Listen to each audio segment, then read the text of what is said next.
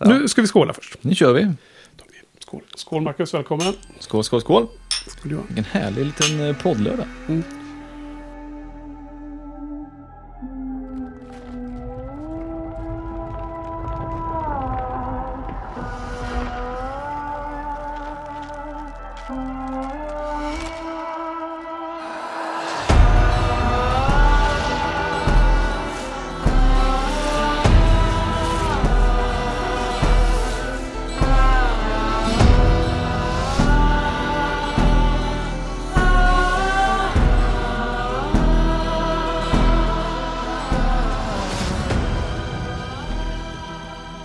Välkomna till Shiny-podden säsong 11. Och eh, denna säsong dedikerar vi helt till The Wheel of Time. Och nu har vi kommit fram till det femte avsnittet som heter Blood Calls Blood. Och i det här avsnittet så var det verkligen klackarna i taket. Vi startar med en begravning och vi avslutar med en begravning. Till det lägger vi till både fysisk och psykologisk tortyr. Och till sist lite galenskap. Och så får vi också lite joddling. Så att det här var ett härligt avsnitt. Joddling? Ja. Det minns inte jag. I, Vi kommer till det. I prologen. Så, men nu ska jag presentera säsongens ständiga gäster här. Så till vänster om mig har jag guldpojken Marcus. Hallå! Välkommen Marcus. Exalterad där. Och mitt emot mig har jag den fortfarande kämpande Johan. Välkommen. Du kämpar Johan. Ja. Silverpojken? Nej. Det- Silversurfaren? Du var inne och skrev på kommentarerna på um, min blogg där vi eh, tar emot kommentarer om Mhm. vår podd. Att du fortfarande kämpade lite med att komma in och verkligen börja gilla serien ordentligt. Ja, men precis. Eh, Jag kämpar med att älska den, men jag gillar den helt klart. Ja, Jag försöker älska den. Jag gör så gott jag kan. det är, inte, so damn hard to love you! det är ju liksom intressant det här. Eh, har vi en podd som vi har förbestämt att vi måste älska serien? Det har vi egentligen inte riktigt va? Eller? Nej, men det, det, det finns ju sån här social press från, från poddledaren här att Ja. älska. Tycker du det? Jag vet inte. Jag, jag, jag försöker undvika att sända ut sånt. För jag, jag har ju mina egna eh, demoner att kämpa mot när det gäller saker i olika avsnitt. Inte minst förra veckan. Ja, men du lyckas med en massa andra grejer. Förutom att inte socialt pressa. Okej. Ja. Du är bra på annat. ja. Du har ju varit väldigt aktiv med att dela Wheel of Time-material. Så fort det kom ut en poster. Hej grabbar, kolla in det här! ja. Teaser, teaser på Twitter. Ja, men det var ju också före serien började mestadels. Så. Eh, däremot här nu i veckan så såg jag, eh, och jag tror jag delade den bilden, eller så gjorde jag inte det, men att det hade varit ganska mycket snack om hur ratingen var på serien i inledningen, de första tre avsnitten. Och väldigt många fans var oroade för att eh, de tittade på den här Rotten Tomatoes speciellt och såg att den inte hade blivit så här, eh, fått den här stämpeln fresh. Så man måste ha en viss nivå, om det är 80 eller 85 man måste komma upp i. Alltså är det ju en procentsiffra av antal eh, professionella reviewers som är, väger över åt det positiva hållet. Jämfört med att väga över mot det negativa. Det är väl antal reviews också? Ja, Så Alltså- det måste vara över liksom, vad är det, tusen reviews då kanske eller? ja det här, jag tror att den går på professionella reviewers. Det brukar vara liksom 10-tal upp till 100. Sen är det ju fans, scoren finns ju på sidan och där är det ju jättestora siffror kan det bli. Men nu hade det kommit upp vid över eh, 85 tror jag såg senast på de här professionella. Och att han fick den här stämpeln så det snurrar ju runt på Twitter. Så att det var ju liksom skönt. Så nu är den officially fresh. Ja, precis. Och det måste ju vara till eh, fördel med eh, tanke på Amazons vilja att fortsätta betala för nya säsonger. Okej, men eh, ja, som jag sa innan här, nu, nu får vi starta här och eh, kämpa om eh, det här avsnittet. Det ska bli jättespännande att höra i alla fall vad ni eh, tycker om det. Ja, jag önskar vi hade en videokamera här inne så folk kunde se hur Henke är så uppspelt inför det avsnittet. Ja, Alltså, eh, folk som sett Kramer i Seinfeld, det är, det är du just nu. Okej, okej. Ja, det är... flög in genom Ja, dörren med en ja. flaska whisky. Bara, nu kör vi! Nu kör vi! Hey guys! Ja, nej, Johan, du hade med dig en whisky här. Det var väldigt eh, trevligt och eh, trivsamt. Och du, Marcus, hade ju sparat den här sen Jajamän. någon spelkväll. Så Men vi nu- ska vara proffsiga som vanligt. Ja, men då får, får vi säga skål här nu då. Skål. Skål, skål igen här. Skål, skål. Så. Mm. Ja, men vi ska börja här nu med lite... Eh, I och med att eh, det matar på nu och det är så mycket content i de här avsnitten. Så har vi ju tänkt att vi ska ha lite återkoppling till de tidigare avsnitten när man kommit på nya spaningar, nya teorier. Lite kort. Och jag har ju samlat på mig några sådana som vanligt då. då. Du har sett om de avsnitt 1, 2, 3, 4 igen? Eh, nej, det har jag inte gjort den här gången. Men det, dels så har jag kommit att tänka på saker. Dels har jag fått något, eh, någon spaning från en god från en systerson som när vi pratade om avsnitten och så vidare. Det är som man, man har plockat upp nya tankar runt det. Så att jag har några, jag har fyra spaningar. Och du hade också någon Johan, eller? Jajamän. Okej, men då, då tar jag två så får du sticka in emellan och sen avslutar jag med mina tre och fyra. Så att det här är av de tidigare avsnitten som är lite eh, kul att diskutera. Eh, nu har vi då den första. Eh, pratade med Måns då, min systerson, och kom in på det här tredje avsnittet då när Rand och Matt är den här eh, möter, eh, alltså kommer till den här gården va. Förlåt, fjärde avsnittet givetvis, förra avsnittet innan. De kommer till den här gården och eh, hela den här familjen blir dödad och det är en fade där inne. Det, det, Mm, mm. det är en fight i slutet. Och då så var det en, eh, en självklar lys, och, men ändå lysande så att säga, spaning som Måns tog upp där. Att den här lilla flickan Helga, hon ger ju bort den här eh, dockan Birgitte till Matt för att Matt skulle ta med den till sina systrar. För hon sa ju att eh, den lilla dockan eh, skyddar henne om natten. Och sen första, direkt första natten som hon var utan dockan så blev hon mördad. Ah, så det är dockans fel? Jaha, kan man säga. Eller att ge bort dockan var det väl då.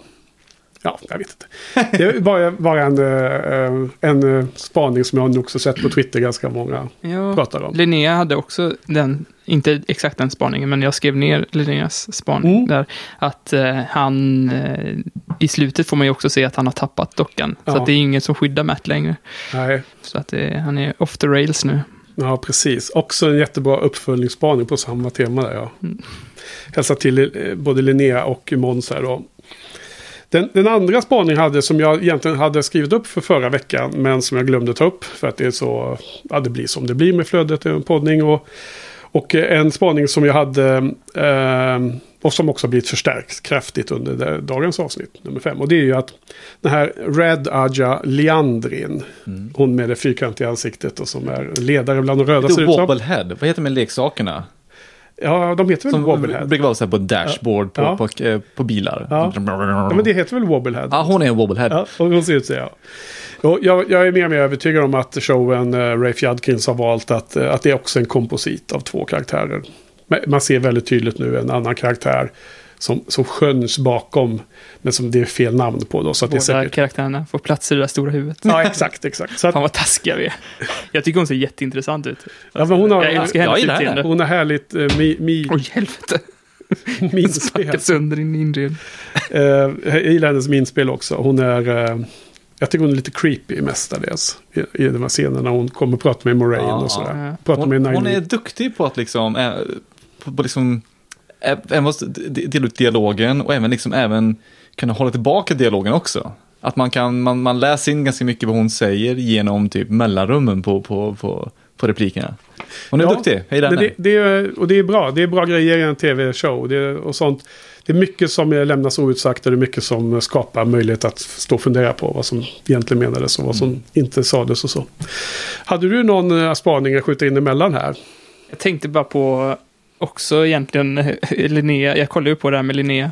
Så hon, och det här är från avsnitt i början där. Och första gången, utan att spoila nu, men första gången som jag har förstått det, första gången man får se The Dragon Reborn, eh, så gissade hon rätt. Alltså första scenen den människan var med i. Mhm.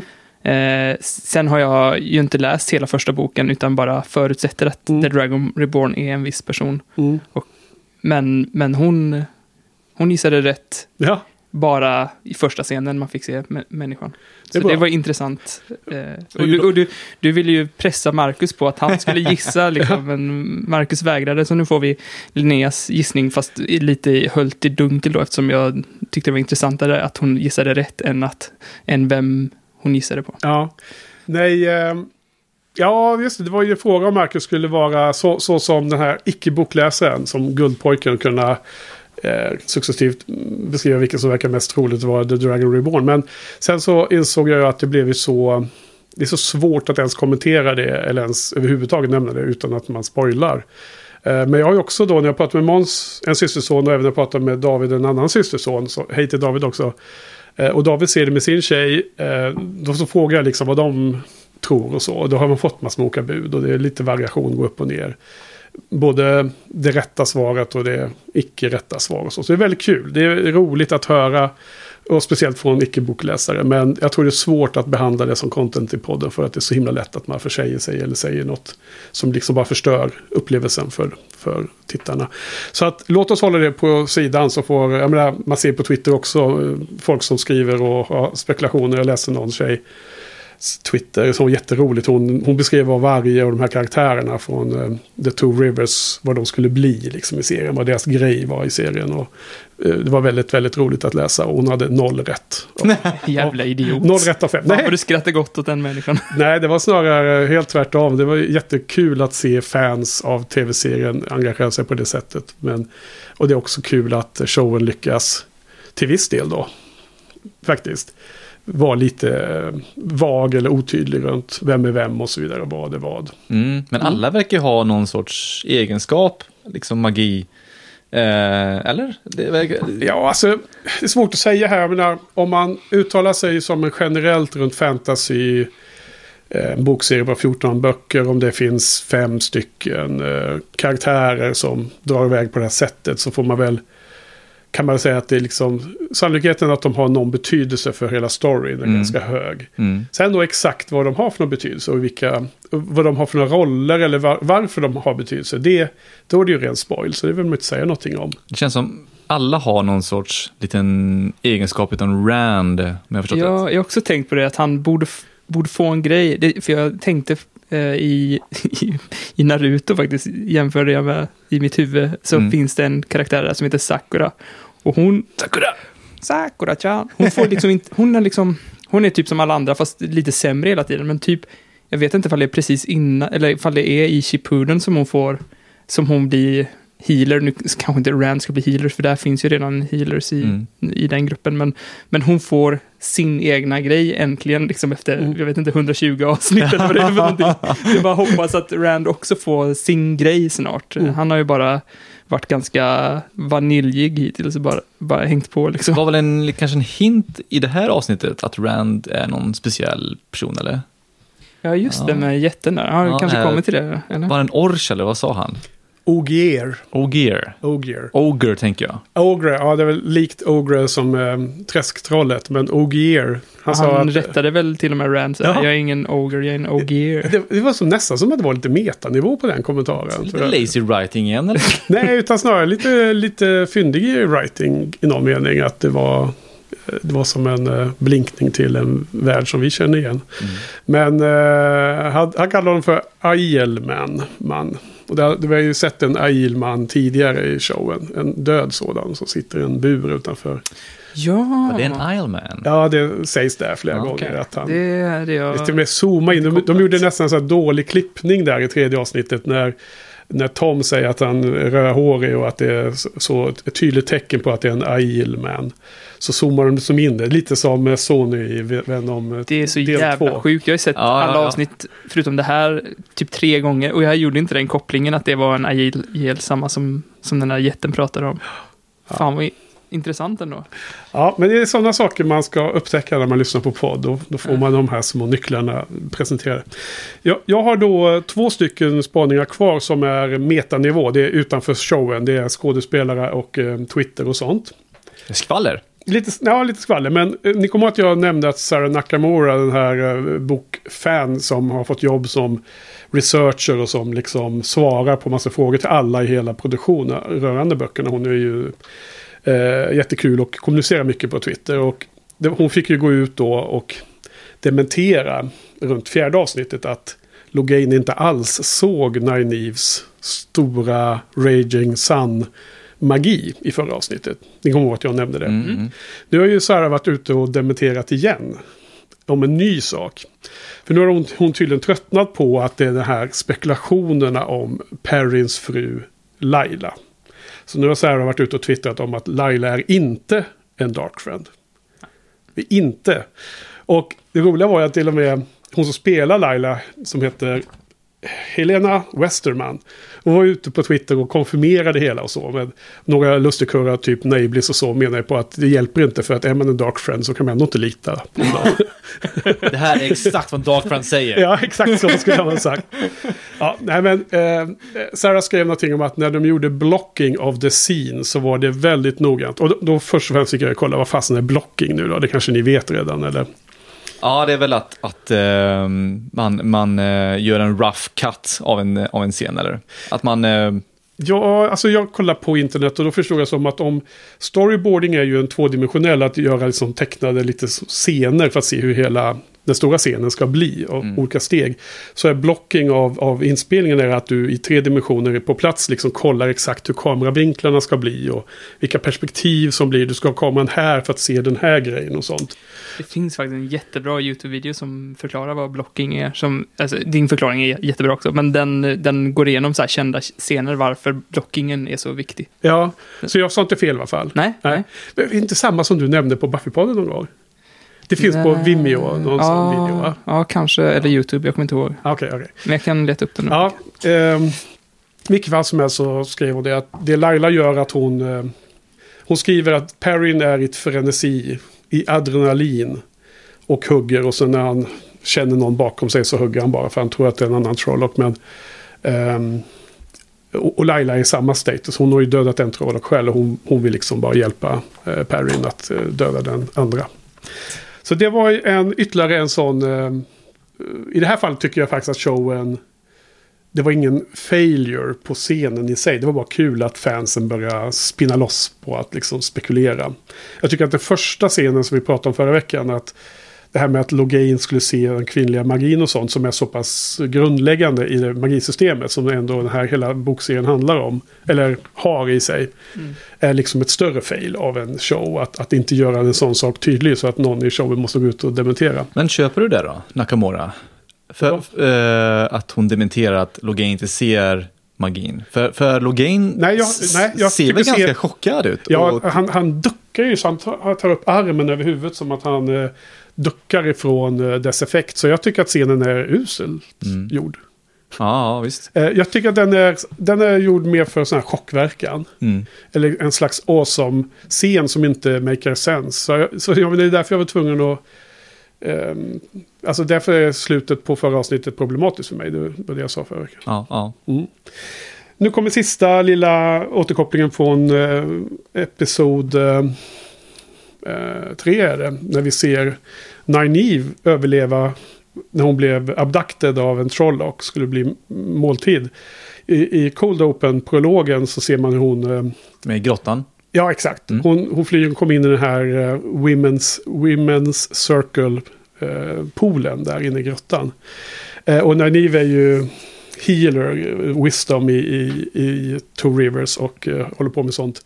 Och skådespelerskan Zoe Robbins räddade stuntmannen i Trollock-kläderna. För när han stod nere i vatten i pölen, liksom i poolen. Så blev hans dräkt så tung av äh, vatten så att han kom med ansiktet neråt och kunde inte vända på Ouch. sig. Så hon liksom fick svänga runt honom så han fick ansiktet mm. uppåt. Och typ, hon räddade honom. Så hon är healer off-screen också? Zoe Robbins är naive liksom, även i She was born to play this role. Ja, precis. Ja, okej. Okay. Så det var lite återblickar. Men det är kul när man, man får höra sånt eller se sånt. Jag tyckte det var en lite rolig detalj. Mm. The Goliath Psycho. Oh, I didn't even hear you come in. Stay back! oh dear, you humans are very excitable. My first day in Tarvalon, I could not believe the uproar. Children cried, women screamed, and a mob chased me all the way across the city waving knives. I'm afraid I was almost beginning to get a little upset. I tell you, it was not for this I left the steading. Steading? You're an ogre. Ogier.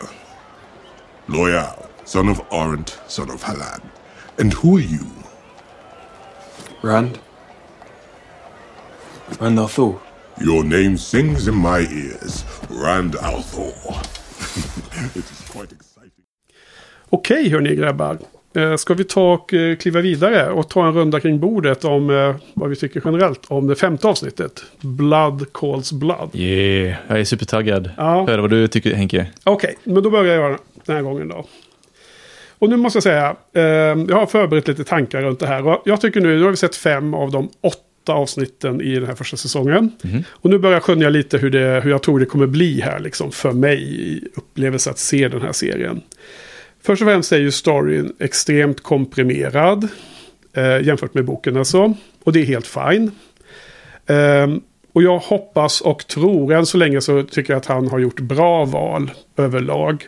Jag hoppas att Rafe Judkins liksom kommer fokusera på de stora och viktiga dragen i, i storyn. Och det är också tydligt att han adderar ju scener för att visa viktiga aspekter som han vill lyfta upp. Som kommer från den här världen. I form av karaktärernas eh, liksom, drivkrafter, hur relationer är eller utvecklas. Eller hur kulturer i den här världen är. Och han vill alltså show not tell. Vissa av de här sakerna kommer fram genom interna tankemonologer i böckerna och det är liksom ett svårt att visa. Så det jag fortsätter att önska nu är att hans prioriteringar, Raves prioriteringar kommer hålla liksom så att han verkligen fokuserar på rätt saker. Då, då. Och det här avsnittet var ju eh, otroligt känslomässigt för mig som bokläsare. Eh, det var alltså första avsnittet där jag kände att det var Wheel of Time-feeling i hela avsnittet rakt igenom. Så att eh, någonstans runt 20-25 minuter in, någonstans i lite före mitten, så, så var jag bara helt tårögd och så var det bara hela avsnittet. Jag var, var helt liksom, jag var helt så här paff av att det kändes som att nu hade äntligen showen kommit ikapp allting. Alla sina setup och start. Och, och jag tror också att det är min, jag själv som åskådare har givetvis vant mig med hur stora ändringar det trots allt är. Om man nu ska vara bokstavstrogen böckerna. Och jag har liksom, eh, det är okej. Liksom man har passerat att, att liksom bli störd av för mycket ändringar. Eh, jag kommer fortfarande ha mina synpunkter på när, när liksom grundläggande saker ändras. Typ det här med att logga in, typ såg eller inte såg Nynaeves magi. Sådana saker är svårt att komma över, men att, att de byter stä- städer och vad som händer i det här avsnittet händer till stor del i en annan stad som heter Camelin. Som de nämner i det här avsnittet. Så staden Camelin finns ju kvar i alla fall i världen. De har inte slagit ihop dem lyckligtvis det har liksom inte så stor betydelse utan man är ute efter den här så feelingen att vara inne i världen. Så nu, nu har du liksom kommit in i serien och inte tänkt så mycket på ändringar och sånt eller? Ja, det blir inte lika viktigt för nu har man liksom fått eh, förstå hur mekaniken runt den här adaptionen kommer bli. Så att för mig var det liksom, jag såg, ja men här kommer de in i staden, det borde varit Camelin om man skulle följa boken rakt av. Nu går de in i, i Tarvalon på den här ön, i den här Mm. stora floden. Och det är The White Tower som är det, den centrala eh, saken inne i, i alltså Ice Dice eh, huvud, eh, huvudsäte. Mm. Stark Tower. Ja, Stark Tower på Manhattan. Så Mm. Manhattan är Tarvalon och eh, The White Tower är... Jag trodde du menade Game of Thrones. Jag bara, fan det är Stark Tower Game of Thrones? Just det, det är ju Starks där med. Nej, men så, så för mig var det här helt fantastiskt det här avsnittet. Och det är ju så trots att det är då inte några actionscener och inga sådana här eh, chockverkningar lika mycket. Det är i princip ingen actionscen alls. Eh, men det är eh, massor med platser och karaktärshändelser och saker som jag lapar i mig. Så att jag tyckte att det var otroligt. Och en annan, en sista kommentar är Eh, att jag tyckte att Nineve och den skådisen eh, Zoe Robinson, hon har varit bra liksom hela tiden, men nu så, nu så klev hon ut som eh, MVP i det här avsnittet tycker jag, med skådespeleriet. Hon verkligen eh, liksom träder fram framför ögonen på mig som Nineve i många av de här scenerna. Så att det, det, det tyckte jag var väldigt eh, fint. Eller ja, kul att se liksom. Medan Matt har ju varit en favorit nu de senaste två avsnitten innan. Och, och så vidare. Och även Madeleine Madden som Eguin var otroligt stark. Så att med detta vill jag säga att som bokläsare och i alla fall så som jag nu på något sätt har hamnat i att acceptans av ändringar men också eh, stora krav på att liksom själva känslan i, i serien ska finnas kvar. i den state jag är nu så, så tyckte jag det här var helt otroligt faktiskt. Och, och liksom... Eh, verkligen starkt. Så därför är jag ju ofantligt nyfiken på hur ni som icke-bokläsare såg detta. Och speciellt jämfört med det fjärde avsnittet då som var eh, på många sätt och vis mer bombastiskt och mer eh, explosivt i någon mening. Det var lite upp och ner, fjärde avsnittet. Ja, väldigt, kan... väldigt extremt höga, väldigt extremt låga i det avsnittet. Ja, det var det kanske. Ja, och jag håller med, för det var ju det vår, vår dialog sa också förra veckan. Men ute på nätet och bland fans så verkar det som att det väldigt många tycker att eh, Episod 4 var liksom då när allting kickade in i gear och verkligen tog fart. Liksom. Showen verkligen visade muskler. Så att det verkar som att väldigt många rankar den ännu högre än vad vi gjorde förra veckan. Då. Du rankar ändå 8 av 10 va? Ja, jag gjorde ju det.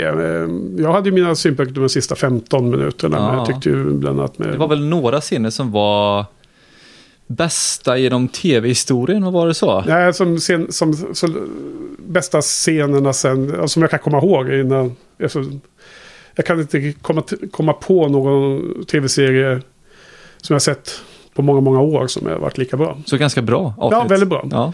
Men helheten var ju följer på de sista 15 minuterna. Men ja. ni var ju lite lägre, ni hade ju sexor båda två. Så det finns ju en bra bit kvar. Mm, mm. Men så, min fråga till er som icke-bokläsare, i, alla fall du eh, Marcus i första hand då. Vad tycker du om det här avsnitt 5? Tyckte du också att det var bra eller var det bara bajs? det var bajs. Nej, men jag håller med det, men jag håller med dig Henke, det var faktiskt ett väldigt, väldigt bra avsnitt. Uh, och jag var, det här avsnittet jag kände att nu är det en riktig tv-serie. Nu är, jag, nu är det igång. Mm. Nu är det inte sitta stilla hela tiden och inte sitta och förklara all lore och nu, nu är vi förbi det. Nu är det verkligen handlar om relationerna, vad som händer i världen och uh, jag var, jag gillar det faktiskt. Ja, vad bra. Mm. Vad härligt att höra, för jag menar det är mycket roligare att höra än att det är massor med problem hela tiden. Även om det inte är något förbestämt eh, inställning i podd, podden så är det nog roligare att, att det faller på plats. Jag försöker vara nyanserad. Ja, det är bra. Ja, det, är det bra. finns ju vissa små saker mm. i avsnittet också som är lite nitpicking kanske, men vi kommer till det senare. Ja, mycket spännande. Vi kommer gå igenom de här tre små grupperna en efter en här, som vi gjorde förra veckan också. Nu när de är splittrade så är det mm. relevant. Mm. Ja, no. Apropå, ehm, du tyckte Nanai, Nanaiway? Naive. Naive. Ah, gud, jag kommer ja. aldrig lära mig det där. Nej. Den skådisen var MVP. Ja. Jag tyckte faktiskt Land var MVP i avsnittet. Ja, han är också fantastisk. Jag tyckte de sista fem minuterna var väldigt starka. Ja. Jag gillar det. Imponerad av skådespelaren. Ja, det var väldigt starkt. Mm.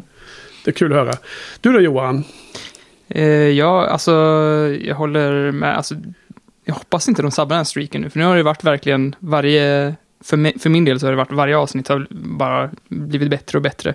Och för mig så är det ju karaktärerna som, som eh, liksom växer för varje avsnitt. Och eh, jag vet inte om det är en MVP, jag tycker att alla karaktärer liksom växer hela tiden, men jag fick en ny uppskattning för eh, Gwyn, eh, heter hon ja. Och eh, jag hoppas att hon liksom blommar ut ännu mer, så hon blir lite som en sån, eh, vad heter hon i Firefly, Kaylee, att hon blir lite av en sån karaktär som är eh, lite glad och naiv och, och, hon skuttade runt där bland knåparna. Det tyckte jag i scenen när hon kommer fram till Perrin och Aram där och vad pratar ni om? Ja. ja, ja men precis. Hon var...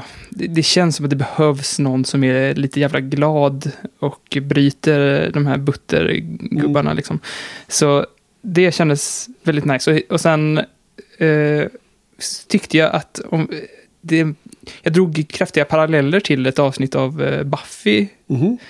Eh, jag tror att det hette Beauty and the Beast. Där eh, det är lite så Jekyll and Mr. Hyde. Ja, okej, okay, okay. Precis, den handlar om mycket om eh, människors, men framförallt då kanske eh, mäns eh, inre...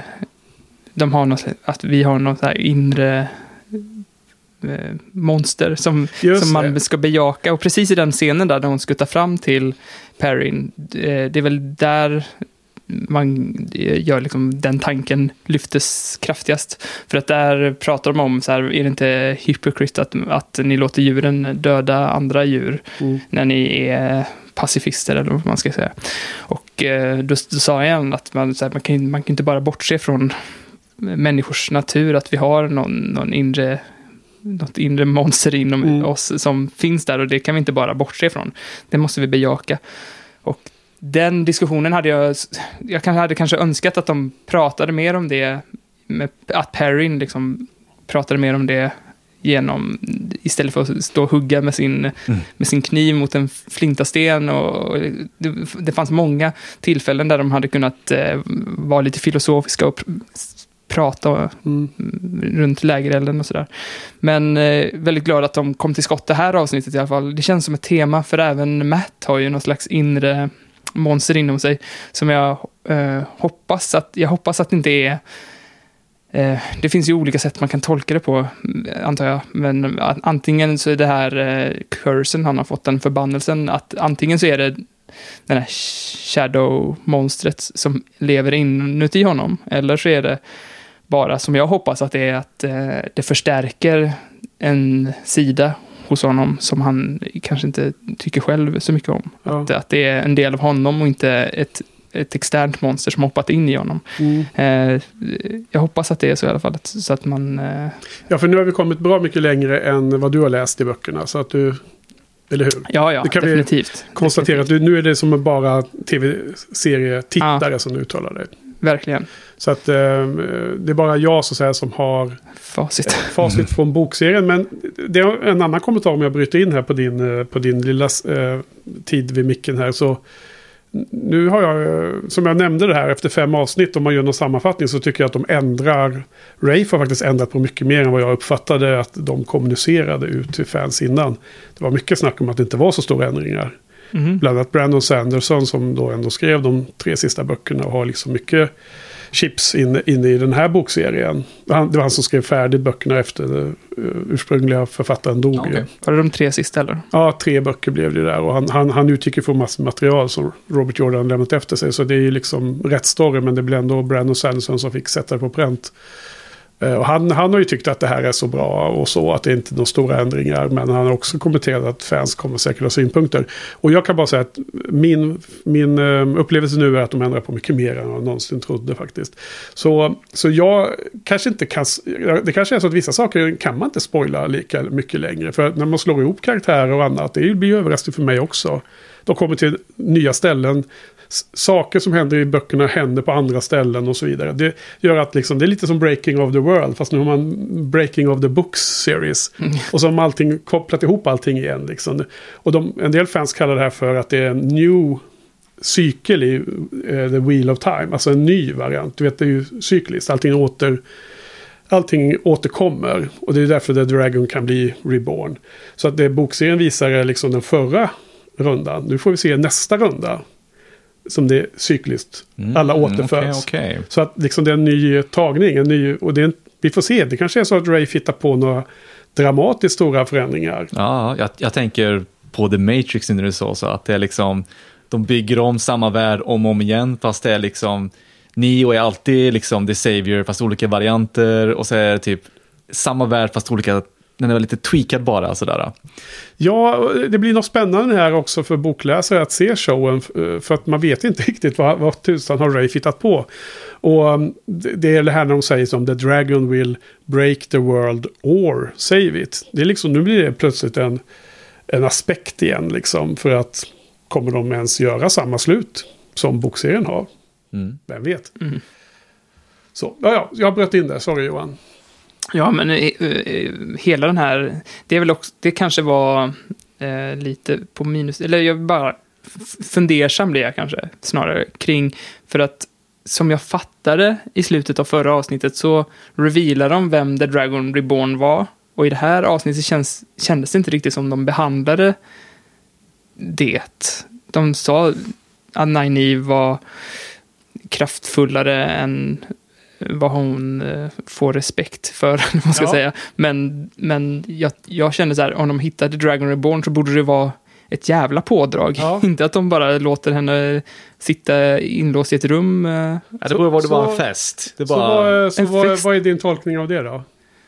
Antingen att, eh, att... Nej, jag vet faktiskt inte. F- Att, att de inte tar The Dragon... Antingen tar de inte The Dragon Reborn på allvar, eller så... Jag, jag vet faktiskt inte. Eller så... Så det kanske är Moraine som har hållit det hemligt för... eh, Det, det är väl som att hitta Jesus igen antar jag. Jesus är återuppfödd igen. Och så bara, Jesus sätter dig i hörnet. Vi ska bara prata Det- vad vi ska göra om det. Det, det, det, ja, Jesus vet jag inte riktigt. Det är väl eh, eh, White Cloaks eller Tinkers och sådana kanske vill hitta en Jesusfigur. Men, men alltså egentligen är det mer som att... inte det, har du sagt det hundra gånger? It will save the world or break it. Ja, är inte det det. en Jesus-grej? Ja, precis. Men, Jävla Jesus-grej. Eh, här, det, här är snarare att vi vet att den vita sidan, de, eh, de, de, de som är icke on the dark side måste fightas mot the dark side. När The Dragon blir reborn så närmar sig tidpunkten när nästa fight blir av. Och The Dragon är ledaren och generalen för oss. Den, den Neo från Matrix som kan besegra motståndaren. Den enda som kan göra det enligt, enligt profetian. Då, då. Jag vet inte om Jesus kan jämföras med en general eller den enda som kan döda tillräckligt många Trollocks och Fades och allt annat som finns som vi inte har fått möta ännu. Ä- Även om vi såg små träfigurer av vissa av dem idag i det här avsnittet. Det hoppas jag att ni la märke till. Mycket, mycket viktig scen. Eh, när de gjorde en liten ward, warding av... Eh, Ja, hade en liten eh, sån här eh, rökelse och annat. Då hade de tre, nio stycken träfigurer. Han behövde var- se klart, han... Uh, vad, vad heter Step han? in. Step in, ja. Ja, han var, han var nära end of the line i den scenen. Det var, Hans Sista eh, kvällen. thread höll på att breaka där. mm, exakt. Jo, nej men så är det jättekul att höra er spekulera. Jag menar, eh, i showen har ju Moraine redan eh, pratat med Nynaeve och fått reda på att hon är 25 eller 26. Samtidigt säger eh, Moraine hela tiden att The Dragon är 20 år. För hon fick höra den här profetian när The Dragon blev återfödd. Det var då den profetian berättades för henne. Mm. Och det har också kommit, det finns också i det här bakgrundsmaterialet på X-Ray och och Origin Stories och sånt. Det tänker man också att de borde behandlat lite. Men ska jag avsluta mina tankar? Ja, ja. Eh, jag, tror att, jag tror att hela den här, eh, det som vi pratade om förra gången också, med, att, eh, med Perrin och nej, Egwene, att de skulle få mer plats, det, ty, det tycker jag verkligen att de fick det här avsnittet. De, det var de som gjorde det här avsnittet för mig. Och, och Fantastiska den eh, scenen där han bröt sig loss från, eh, från sin fångenskap där, det tyckte jag var favoritscenen. Och den hade kunnat bli ännu bättre om de hade planterat hela den här grejen tidigare om att han är en, eh, känner obehag inför sin, sin inre rage, eller vad man ska säga. Ja, Eh, och eh, det är väl typ, ja, den, det tror jag gjorde allt, hela avsnittet för mig. Och sen så, så är det typ lite synd att de, som du sa i början här, att de sandwichar hela avsnittet med två begravningar. Jag tycker alltid begravningar är ganska intetsägande i serien. Typ den bästa begravningen tycker jag i Endgame, eller vad det är, när en person, där de bara panorerar mellan ansikten och man Mm. liksom får en bild kring varje person, vad den har haft bet- betydelse för den som är begravts. Men, men här tyckte jag att eh, begravningarna inte tillförde något, man kunde gjort något annat istället. Okej, Eh, det, det var en hot take. Var det en hot take? Ja, det måste det vara ändå. Tyckte, ja, men vad tyckte ni begravningarna var Eh, bra? Jag tyckte det första var... Eh, det var bara, det bara var en scen. det var liksom inget Ja, speciellt. de säger inte så mycket begravningar. Men den sista tyckte jag var väldigt stark. Otroligt bra. Mm. Ah. Gillar du när han liksom sli- börjar slita av sig kläderna ja. till och med? Jo, ja, absolut. Jäklar, det, är- det, är- alla sörjer på sitt vis såklart, men jag tyckte det var lite märkligt. Eh, ska vi ta det nu eller ska vi komma till det sen? Kanske kan komma till det. Ja, vi kan komma till det sen. Ja, men jättekul att höra och eh, som alltid svårt att... Ställ gärna frågorna men jag, jag kommer ju liksom försöka vara ännu bättre på att inte besvara eh, saker om när ni spekulerar om, som nu The Dragon eller andra saker som spekuleras om. För att det måste vara superförsiktig och försöka undvika spoilers. Men då har, vi, då har vi fått en liten eh, allmän känsla av var vi står. Eh, då går vi igenom här nu då. Börjar med prologen och sen har vi då tre små grupper.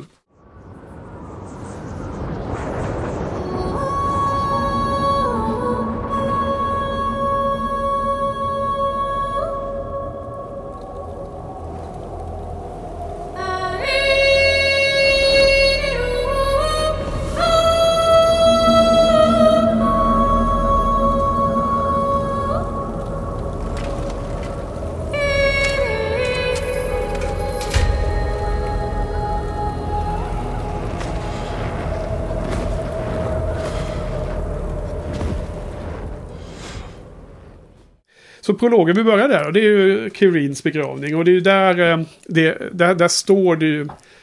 Där, där ser man ju Alana står och sen så hör man ju i ljudet hör man ju en jojk. Och i, i behind the scenes för det här avsnittet så nämner till och med Rafe att det är från Nordic Countries. Den högsta ljud som... Och jag, det här kan bara göras av kvinnor. Det är det högsta ljud som människor kan göra i, på jorden. Svar han då om det. Var mer än vad jag visste om jojking. Eller vad Men det nu heter. eh, högst, aha, decibel liksom. Vet ej. Inte den högsta tonen. Nej, det tror jag inte. Utan högsta ljud decibel gissar jag att han menade. För att man kallar ju på djuren över fjällen där då. Så att man såg att hon försökte, att det var någon form av, eh, hon försökte synka det. Men det lät inte som att det skulle vara in, det lät som att sounddesignen var liksom utanför eh, scenen. Och eh, det skulle inte vara, alltså det var en blandning av om det var så här diametriskt eller vad det heter, när inne i världen och när det är bara en sound, en sound score liksom. Kanske Men- minns fel, men i, i början tyckte jag det såg ut som att det var hon som sjöng och sen så slutade hon röra på läpparna men jojk. Ja, det kanske var att de gled fortsatte. över i att det blev en fin eh, stämningssättande score då. Ja. Ja. Kanske var något sånt ja. Det hade varit ganska snyggt. Jag, jag tyckte det var lite dåligt i- infört. Men, men då ser man i alla fall att de begraver henne, Corrine. Och jag tycker att det är en stark scen. Menar, det sätter upp hela det här avsnittets main team som handlar om... Eh, vid sidan av Perrin och Green så handlar ju resten, allting med Moraine och Land och de handlar ju om the bond mellan eh, Aes och eh, deras warders och den eh, avundsgrunds smärta som blir när en av de två parterna dör, om man säger så. Och jag tyckte det var fint. Men... Eh, eh, ja, vad tyckte ni om scenen generellt sett? Jag gillar den.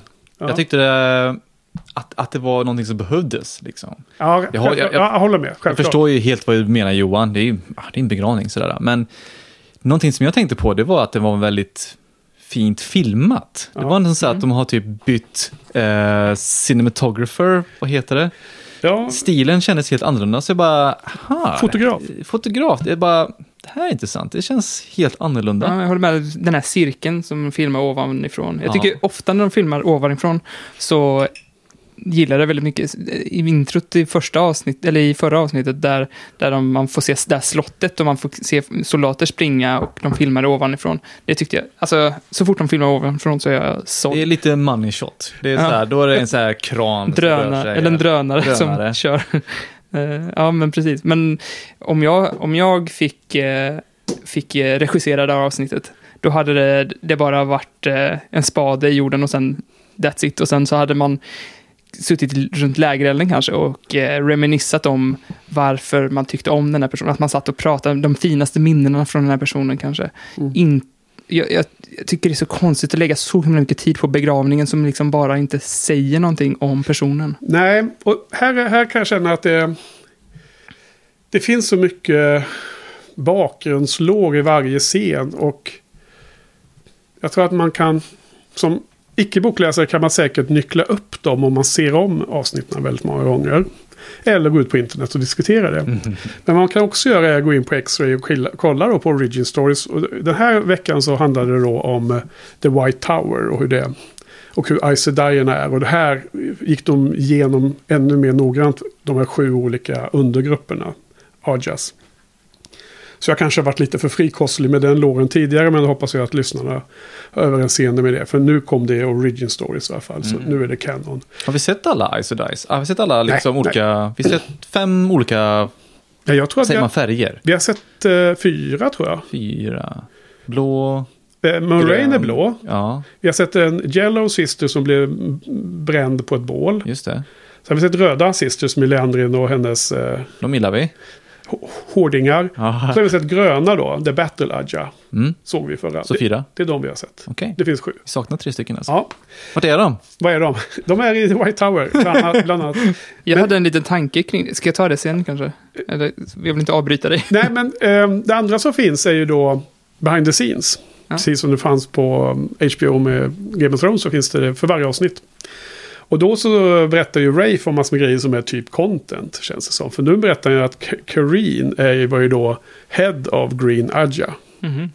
Och eftersom hon är inte taget på det här sättet från boken utan det är något som han har konstruerat så är det han har hittat på det då. då. Så varje Aja har liksom en eh, högsta boss. Mm. Och sen så är de ändå Aes Sedai ju allihopa ihop medan Sverige av de här sju underenheterna har ju sina. Det är lite som eh, husen i Harry Potter eller vad som helst liksom. Gryffindor alla de där. Så att då tycker jag, givet att man såg det på, om man var tvungen att gå in och titta på behind the scenes så tycker jag, givet det, perspektivet så tycker jag att den här begravningen var otroligt eh, relevant att visa. För om eh, alla, alla äh, som dör tror jag berättigar en stor begravning. Men speciellt om det är liksom Head of Green Raja. Och han nämner ju bland annat att det är hon som står emot Leandrin. Så han säger saker i den här behind the scenes som jag tycker liksom indikerar vad som kommer hända nu i framtiden i showen. Mm, intressant. Om det här politics och sånt. Vem var Leandrin? Hon är en röd, eh, Ah, fyrkantigt det, ansikte och alltid har ett litet uh, leende. Smörk. Smirk på något Ja. sätt. Ja, vad var det du hade för instick? Nej men alltså de här eh, olika färgerna, de verkar ju vara lite som så här olika personlighetstyper. Ja. Lite som sådana test man får göra på jobbet lite Just grann. det. Och så fick jag, såg jag någon så här YouTube-video som eh, random rekommenderat. Där en som hade autism pratade, jag tror att det var någon slags typ av autism, pratade om att deras så här handikapp inom citationstecken, att ett av deras handikapp är att eh, är kommunikation. Nu har de delat upp, eh, jag vet inte vad det kallas, motsatsen till autism, men det den motsatsen. Jag vill inte säga vanlig, för att det känns lite nedsättande mot au- au- autism. Men eh, de hade delat upp det i tre grupper. En med bara folk med autism och sen en med bara utan autism och sen en blandad grupp. Och eh, kommunikationen mellan de som bara hade autism den funkade jättebra och den gruppen som var helt utan autism funkade lika bra som den som var med autism. Så det liksom slår hål på myt, eller myten, eller liksom den grejen att folk med autism kan, ska ha svårt att kommunicera. Så att, eh, och sen den när det var blandad grupp, där var det svårare, svårare Mm. att kommunicera mellan de här Men, men vems fel är det då kan man säga? Ja, men precis. Och då Ja. kände jag så här, att de här, eh, är det, kan det vara så att det, eh, Moraine känns lite eh, som att hon ligger lite på spektrat med tanke på att alla klagar på att hon inte kan kommunicera ordentligt med, med resten av de här Sedaierna. Men kanske är det så att hon eh, är bättre på att kommunicera med sina Ja. egna blåa liksom. Jag kommer att ni... Intressant tanke. Ja, eh, och ni kommenterade förra gången eh, att hon var illa omtyckt och att hon var... Eh, alla tyck, Ja, men- tyckte ja, illa om Moraine tror jag Ja. du sa också. Och hon, eh, så fort hon kom in till rummet så bara, ah, fucking Moraine här igen. Ja, det, det får ni stå för. Men jag tror att hon, eh, hon kör ju sin... Hon, är, hon har för mycket hemlighetsmaker, hemlighetsmakeri för att, vara en, för att kommunicera rakt ut till alla showens tittare hela tiden. Hon skiter i om ni förstår vad hon vill göra, Marcus. Ja, Johan. Det var inte det jag reagerade Som sagt, jag reagerade på folk Ja, som... men jag, nu la jag till en liten egen, Ja, en okej. liten egen knorr här. you Lite knorr. Ja. Nej, men, det, det, det, nej, men det, det är kul. Alltså det, det finns tre, tre till. De är brun, vit och eh, grå. Ja, ja, är de övriga. De har olika intresseområden. Och där kan mycket väl vara så att det finns olika liksom, typ, personlighetstyper. Oavsett om man har så... så Funktions, funktionsvariation. variation. Ja, ja, ja, ja, sorry. Jag, Är inte det Nej, en men jag förklarar grej i Sagan om ringen också? Att de här trollkarlarna har olika färger? ja, precis. Det finns någon som heter brun och någon som Gandalf grå, Gandalf vit och allt vad det är. Va? Men Är inte det en intressant tanke med... med för Sauron, har ju är ju the White Mm. Wizard. Först ja. Och så blir han corrupt. Mm. Så han är inte längre the White Wizard. Och så dör ju Gandalf, så blir han White Wizard. Mm. Det var bara en kul tanke. Ja. Ja, men det, det är väl... kan, en- kan det hända samma sak här i eh, Wheel of Time? Kan de byta Alltså, färg? det, det vi kommer väl till den dagen och se om det, om det är någonting som sker i en sån här värld. Men eh, jag vet inte om det finns några regler emot det. Utan det är väl snarare så att man väljer. Man, man blir ju för, de pratar ju om att eh, Nynaeve ska bli en novice. Det vill säga man ska komma in och börja lära sig att hantera den här kraften. Hon har ju påvisat att hon har möjlighet att använda kraften. Det har ju Egwene också gjort då. Även i det här avsnittet så använder hon ju kraft. Mm. Power. Mm. Så båda de behöver ju för sin egen eh, skydds skull men också för att Aes Sedai vill växa och få in kraftfulla magiker i sina led. Så tar man in dem som noviser och, och sen, det, det här som stod i den här Origin Stories som är nu då till det här avsnittet. Att man blir novis och sen är man där jättemånga år och lär sig, lär sig mer och mer hantera det. Och sen när man är bra nog så blir man accepted. Då får man ringen. Men då måste man träna många, många år igen. Och sen så får man gå igenom ett jättesvårt test. Och klarar man det och inte dör då typ. Mm. Då, då blir man raised till Ice. Och då, då då blir man fullvärdig ICDI och så vidare. Men då väljer man vilket av de här gängen man ska del, alltså ingå i. Det är ett eget val. Så nu försöker väl Leandrin ragga upp eh, The Dragonborn då? Det, det är liksom därför hon pratar om Nynaeve och de har en sån scen i avsnittet där Moraine ifrågasätter rimligheten att Nynaeve skulle välja röd. Mm. Och eh, antyder eh, med med emfas att, att healing verkar vara hennes grej. Och det är det Yellow Adjas eh, eh, liksom ämne som de jobbar med, med healing. och det. Eh, Brown Adja jobbar med historik och liksom dokumentera saker och eh, libraries och läsa historik och förstå. Okay. Vita, vad gör, de? vad gör de? Vita är de som jobbar med logik och försöker förstå allting ur ett logiskt perspektiv. Helt känslokalla. Där kan man verkligen prata om autism. Mm. Mm. Och, Ekonomer alltså? ja, kanske. Grey Adja är eh, förhandlare. Okej. Okay. Eh, diplomater. Politiker. Eh, röda jagar manliga channelers. Gröna är battle adjas. Blåa eh, är sådana som eh, Justice och Quests. Liksom lösa mm. stora problem. Jag gillar det. Bra, bra styrt. Ja, så är det. Men eh, min, min sista poäng runt prologen som jag då tänkte upp och gnälla lite på förra veckans avsnitt kan man få in här. Det var ju det här med, jag var lite störd över att de kallade det för en army som kom och anföll. Mm. I med tanke på att man vet att det finns riktiga arméer i den här världen så är det synd att de kallar det för det första gången de använde ordet. Det här var mer en grupp. Det här var en liten grupp. och när man ser den här jättefina, det snöar och det, det var bara en ren överraskning för inspelningscrewn. Det var bara en bonus att det blev snö den dagen och svinkallt och så, De spelade in det. Och den här runda eh, cirkeln där som wheel och allting, liksom, det runda återkommer. Då ser man de här gravarna och de lägger ju Karin igen förstås, men de lägger ju andra soldater. Bland annat ser det ut som att de lägger den här Geldans kung, för man ser hans hjälm och sånt som lägger på bröstet. Så mm. det ser ut som att de begraver även den här, de, de som dog i armén som, som de fightades med, som Alanna kastade explosioner på och sånt. Och så tittar man då de här vita gravarna, det är ju 33 stycken. Du har räknat? Ja, jag, jag, jag, vet inte om det var exakt. Jag gjorde en snabb, snabb räkning, bara freeze frame och kolla. Ungefär 33. Det är plus minus några stycken säkert. Men det är ju inte 33 000. Liksom, kom, kom, kom och prata om arméer när du har 33 000 döda på. Ja, vad, vad räknas som en armé? Är det minst 10 000 eller? Ja, men whatever. Liksom, det är inte de här snubbarna som springer i en skog. Nej, nej, nej.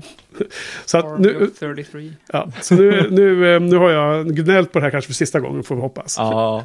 Eh, men jag tyckte bara lite lustigt, eller inte lustigt, men jag tyckte bara det var slående att eh, att inte någon i showen själv har tyckt att det här kanske lät lite konstigt. Liksom. Har någon annan reagerat det på nätet? Du, du hänger väl runt på forum och Twitter och läser om ja, jag reaktioner? Koll, jag kollar ju på sådana reviews på YouTube då, efter vi har poddat. Mm. Och sen kollar jag lite på Twitter och sånt också. Jag tror jag sett de här kommentarerna. Minst en har jag sett som då också var lite, lite för frågande. Liksom. Varför använder de det här valet av ord?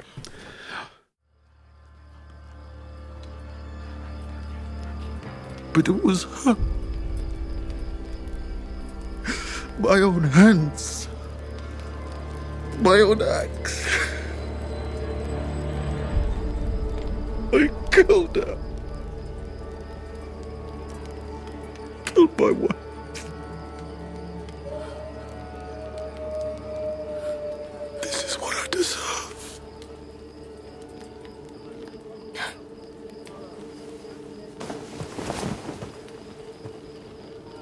Have we reached a decision?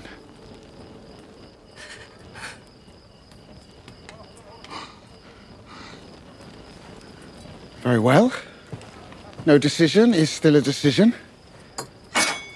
Eventually, the boy will bleed out.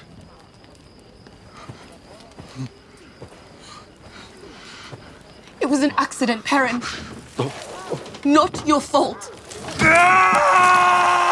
And it may take you your whole life to realize that. But you will.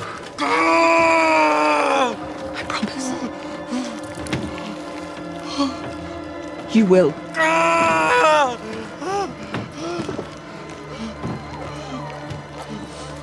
No! Egwene, no! Drift. Just drift. Ah.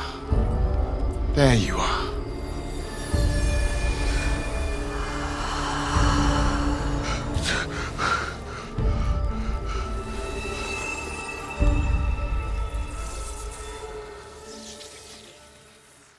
Ja, men då, då ska vi gå in till den första äh, lilla gruppen som vi möter. Och då tänkte jag att vi börjar med Perry och Green. Och de har ju fortfarande ganska lite speltid, men det är ju sprängstoff hela tiden. Varenda deras, av deras kapitel i hela äh, avsnittet är ju bara guld, tycker jag. Då får ni äh, addera vad ni tycker. Det börjar med att vi ser att de går med Tinkers och de är på väg till The White Tower. Och sen blir de då stoppade av White Cloaks. Och så blir den här konfrontationen med The Way of the Leaf mot The Way of the Light. Jag Det är älskar det. Det är jätteroligt när eh, de här White Clocks pekar bara, de där två, och de bara hoppar till Ja. och bara ner bakom vagnen där. Jag tänkte att han jävla bra syn också. Han bara, Ja. those fuckers! Ja, han hade lovat att han skulle känna igen alla som han stoppade ju i avsnitt två. Så att det levererar han på, Valda. Men vad, hur tänkte ni då när Tinkers där med Ila och Ryan började liksom eh, kroka armar? Ja, det, var på, ja, det var lite töntigt om jag måste vara helt ärlig. Alltså, jag, jag tycker inte det var töntigt alls, för det var precis vad hon beskrev att de gör. Liksom. Men det hade varit töntigt om det hade funkat. Då hade det varit superbärs. Jo, men samtidigt så känns hela de här, vi har klagat på knåparna förut, men, men alltså de känns så himla ensidiga. Det, hade, det enda var väl typ att de pratade om att så här, vi måste bejaka liksom, de aggressiva sidorna inom oss. Det var väl typ det bästa jag hört från dem, men, men de är ver, verkligen, verkligen jätteensidiga. Alla, de här, alla de här andra som jag mött, var- de har liksom Ja. de har andra dimensioner till sig, men de här är ju bara så här eh, eh, trädkramare rakt igenom och liksom kan inte göra fel typ. Det hade varit nice om man kunde se en, en eh, dålig sida hos, hos dem också, tycker jag. Ja, alltså Ila då, mamman där som berättade om dottern som blivit mördad. Hon, hon följer ju sitt fullt ut känns det som. Hon pratar aldrig någonting om att det finns någon aggression i henne. Hon, hon bara böjer ner huvudet och blundar när de ska börja slå henne liksom. Men det är ju Aram som pratar om att det finns, han är den yngre av dem liksom som vart, som känns lite mer så här connected to the real world. Han nämnde ju att det, det här är liksom, finns ju något i alla oss. Ja. Vad tycker du då, Marcus? Jag håller, jag håller med Johan, det är lite tuntigt. Och Ja. det är lite korkat också om jag ska vara ärlig. Ja, men det, det, det, det, det är ju deras, För- det är ja, deras livs... eh, Ja, men de åskådning. måste förstå att det inte går hem. De är vuxna Ja, människor. men Ila säger att om hon kan få två stycken sluta göra violence och de i sin tur kan få två var och så vidare. Då kommer Ja. det till slut inte finnas en violence. Jag tror att de inte förstår situationen. Så tänker jag. Att det är så här, han, vet han, Child uh, Valda. Ja, Nej, ja. ha honom. Ja. Han bara, those fuckers, give me those! Ja, ja. Och så de bara, mm, nej. Och jag, bara, jag, jag tror inte du vet vem du pratar med. Nej. tänker jag så här. Nej, precis. Nej, alltså det är ju... eh, hade, hade showen på något sätt fått det till att den här... Deras Way to Live skulle liksom funka i det här läget. Då hade det varit så här, vad i helvete liksom. Men nu blev det ganska överraskande bryskt liksom att han bara slog till henne och sen klev av sina hästar och bara började mata på. Jag tyckte det var ganska brutal scen. Ja, Daniel G- Green kallade det för en pimp slap. det var verkligen Var det med backhand då? Ja, ja. Det har man sett många sådana filmer. Ja. Det var bra, bra funnet. Okej, men sen då så drar de iväg och så blir de fångade ändå då, med en gång. Det är också lite kul scen att det ser ut som att det blir en väldigt heroisk, eh, snabb eh, flykt och de ska ta sig till någon stad och sådär, eller by då som... Nope. Men det är bara, är direkt bara tagna liksom. Det är bara att komma in på vänstern, tackla ner honom med hästen. Ja. Jag älskar, jag blev så jävla glad när jag såg Child Valda. Ja. Jag bara, yes, nu är han här, nu kommer lite action. ja, Abdul Salis heter skådespelaren. Han är ju bara Abdul, bäst. my man. Men jag tror för övrigt att det var den här scenen som var med i trailern som du eh, Nope. syftade Det, till. det kan jag avslöja nu, eh, för det var, det var faktiskt begravningen i slutet av det här avsnittet. Okej. Där man får se att folk är vitklädda Aha. och, och eh, Moraine gråter liksom. Okej. Och då trodde jag att det var White Cloak som hade Ah. kidnappat dem och gjort okej. någonting liksom, och styr dem på något sätt. Jag. Men eh, jag hade missuppfattat det lite. Ja, För i något promotionmaterial så fanns den shotten uppifrån när man ser Perrin och uh, Egwene eh, omringade av tre ryttare och så ser man Aram ligga bredvid. Så jag tror det var den shotten du Mm. menade. Nej, men precis. Så, så det, var, det var misstolkat Ja, jag av, förstår. av Nej, mig. men, det var ju bra att ja. f- förstå vad du menar i alla fall. Ja, men sen är den här eh, scenen då. Det börjar ju med att de... Ganska äcklig scen måste jag säga. Eller överraskande äcklig scen där de typ tvättar Egwene. Mm. Den, den kändes eh, nästan som att det var lika mycket tortyr som, de, som eh, Valda gjorde mot Perry när han skar i han i ryggen. Ja, för de hade sådana här borstar som är rätt hårda. Okej, och de Kallas var ju tvage eller? Ja, det kanske det är något sånt. Ja, något, något bibliskt. Ja. Men för, för jag, ljudeffekterna var ju briljanta där man hörde varenda sån här strå, att det var så här riktigt sträva sådana typ Mm. finska golvborstar. Ja, precis. Ja, golfborstar mot huden. Ja, men däremot så tyckte jag att de var väldigt försiktiga så här. Ljudeffekterna var bra, men skådisarna, det kändes som att så här, eh, att de var, de var lite försiktiga mot henne. För att det, var, det är ju en riktig skådis där liksom. Ja. Det, det skulle vara nice för de verkligen bara tog i så här så att man såg att det, huden Eller- blev röd. Eller, Ja. eller alltså... Mer tortyr. Du, du, eh, du har en ung kvinna, vuxen kvinna som blir... eh, De tar av henne alla hennes kläder. Ja. Och kan det vara igen att det var vi hörde det hon hörde i sitt huvud, i sin perception av det som hände. Men det, det vi fick se var det som de gjorde. Kan vara. Om nu, om nu showen jobbar med den tekniken så... Att de var snälla egentligen, men hennes huvud... Inte, inte att de var snälla. Allt de gjorde var ju inte snällt, men hennes upplevelse av att bli eh, avklädd naken Ja. och eh, överhuvudtaget behandlad är mycket värre än vad de här soldaterna nödvändigtvis... Hon överreagerar lite. Inte överreagera, Nej, men att den kommer kännas mycket starkare i hennes huvud än vad, än vad en, en, eh, en så slags... eh, En av de soldaterna tänker att det, att det behöver vara. Det var ju liksom ett ingrepp i den personliga sfären som var ganska br- brutalt. På gränsen till samma nivå som att bli skuren i huden menar jag. Mm. Och jag tycker ljudeffekten var väldigt, väldigt talande. Och, men om... Jag håller med om att man skulle kunna ha sett att det blev mer blod på henne av de här hårda. Mm. Men nu valde de ju att inte göra det och jag tror inte att de inte kunde göra den effekten. De gjorde mycket mer, mycket mer avancerad effekt på Perrins rygg. Så jag, tror, jag, jag tror att de kan göra det.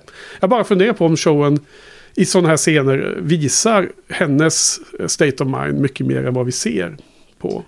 Ja, alltså jag vet inte om jag riktigt gillar det här grejen med state of mind, för nu vet man inte vad som stämmer. För nu kan man, ja som du säger, antingen så var de väl kanske okej mot henne och tvättade dem så här. Eller, eller så var det liksom i hennes huvud. Jag vet inte om jag gillar det, för då vet man inte hur man ska tolka scenen. Det, det är liksom som... Eh, jag vet inte heller. Eh, jag bara spekulerar för att jag känner att ibland så känns det som att, speciellt ni som lyfter ibland och jag själv ser det första gången själv ibland, men att här ser det inte så här bra gjort ut. Men då undrar man, det kanske är gjort precis som de vill och då kanske det finns en annat skäl och det är det jag försöker söka förstår. efter här. Ja, men, men då är problemet snarare att de inte är så bra på att förmedla budskapet som de vill förmedla. Helt Ja. enkelt. Det är ju någon, någonting som de gör fel i alla fall. Ja, Antingen kan Kanske. de inte förmedla sina budskap eller så... ja eller, eller så Är är de det, kassa? är det liksom repeated viewing som, som krävs. Man ska få hela, hela paletten klar för På sig. tal om repeated viewing, när jag såg den här scenen andra gången, Ja. då tänkte jag också på så här, att eh, man börjar höra de här yl, vargylningarna Ja. tidigare. För jag tänkte inte på den förrän, jag, förrän vargarna faktiskt kom. Men de Ja. börjar ju yla liksom redan innan, innan eh, de kommer in i scenen, om man ska säga. We come, we come. Mm. Ja, men i alla fall sen då så kom ju han in då, Child eh, Valda. Child Och, Valda. alltså jäkla lustigt, lustigt att han har den här eh, vita... Ja, han har tränat- han har tränat armar, Ja. vill visa lite. Ja, men- Hey girl! Han är vacker. Han är, så, han är en vacker man liksom. Verkligen. Han vill visa upp det. Han har liksom inga problem. Han sätter sig där och börjar äta mat. Det är också en sån här klassiker. Ska sitta och äta där medan de håller på och förhör eller Ja, torterar i slutändan folk. det är också en sån här maktbalans Ja, då. Man verkligen. visar att han är in power. Ja. Men jag gillar honom. Alltså, jag, jag, jag, han påminner lite om, eh, vad heter han som spelar Loki?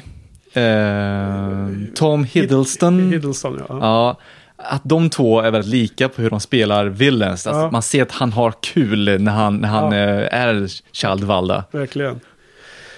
Ja, och så börjar de eh, skära i Perrin. Och då så blir, får han liksom lite så här guldfärgade ögon. Han gör, en märkt till hul- det? han gör en Hulken. Ja, det Fast istället jag för tänkte arg- också på det. Istället för arg så blir han bara lobotomerad eller något sånt där. Han blir bara superbutter. Ja, Jag tyckte det var lite tråkigt. Då hade en tjej, nu kunde han inte prata för han hade ju någonting i munnen då. De hade ju eh, gag på honom Mm. när han var där. Så att, ja. Fast när han bröt sig loss från det där så... Och, Ja, ja, precis. Men det är lite senare, det är flera Ja, sekunder Han har varit butter genom hela serien. Och sen, istället, istället för att bli arg, jag, jag kände så här, det här kunde bli så himla katartisk, heter det va, scen. Om man bara kunde bryta sig loss och bli arg, så, typ som Hulken. Men istället så blir han så här lobotomerad istället. Och Nej, men han, eh, superbutter. vad han Förut var han butter, nu var han superbutter. wanna see Alltså- butter. Ja, det är lite oklart om du använder lobotomerad rätt här. För då blir man ju helt, då har man inga känslor alls. Här, här blir jag ju, Jag överdrev Jag vet, för komisk men- effekt. ja Det precis. måste jag erkänna. Men ändå, eh, liknelsen ska ju ändå Ja, men jag, jag sense, tänker typ liksom. på gökboet, typ. Han blir ju lobotomerad, han bara går så här. Ja. Så här och, men han, ser- han ser butter ut i gökboet. Och jag tänkte på gökboet, nu, nu är han så här. Nu är han superbutter istället för arg. Jag vill ju att han ska bli arg, jag vill att han ska visa känslor, liksom. Ja, för- inte vara superlobotomerad. Ja, för vad, vad, vad han landar i, vad som är liksom på, på scen, i scenen, vad som finns där, det är ju att han uttalar det att han är värd detta för att han har mördat sin fru. Han, det, här, det är det här som han är värd. Han, han, nu ska han dö. Jag ser inte det som butter, utan jag ser det som att han har liksom så mycket skuld.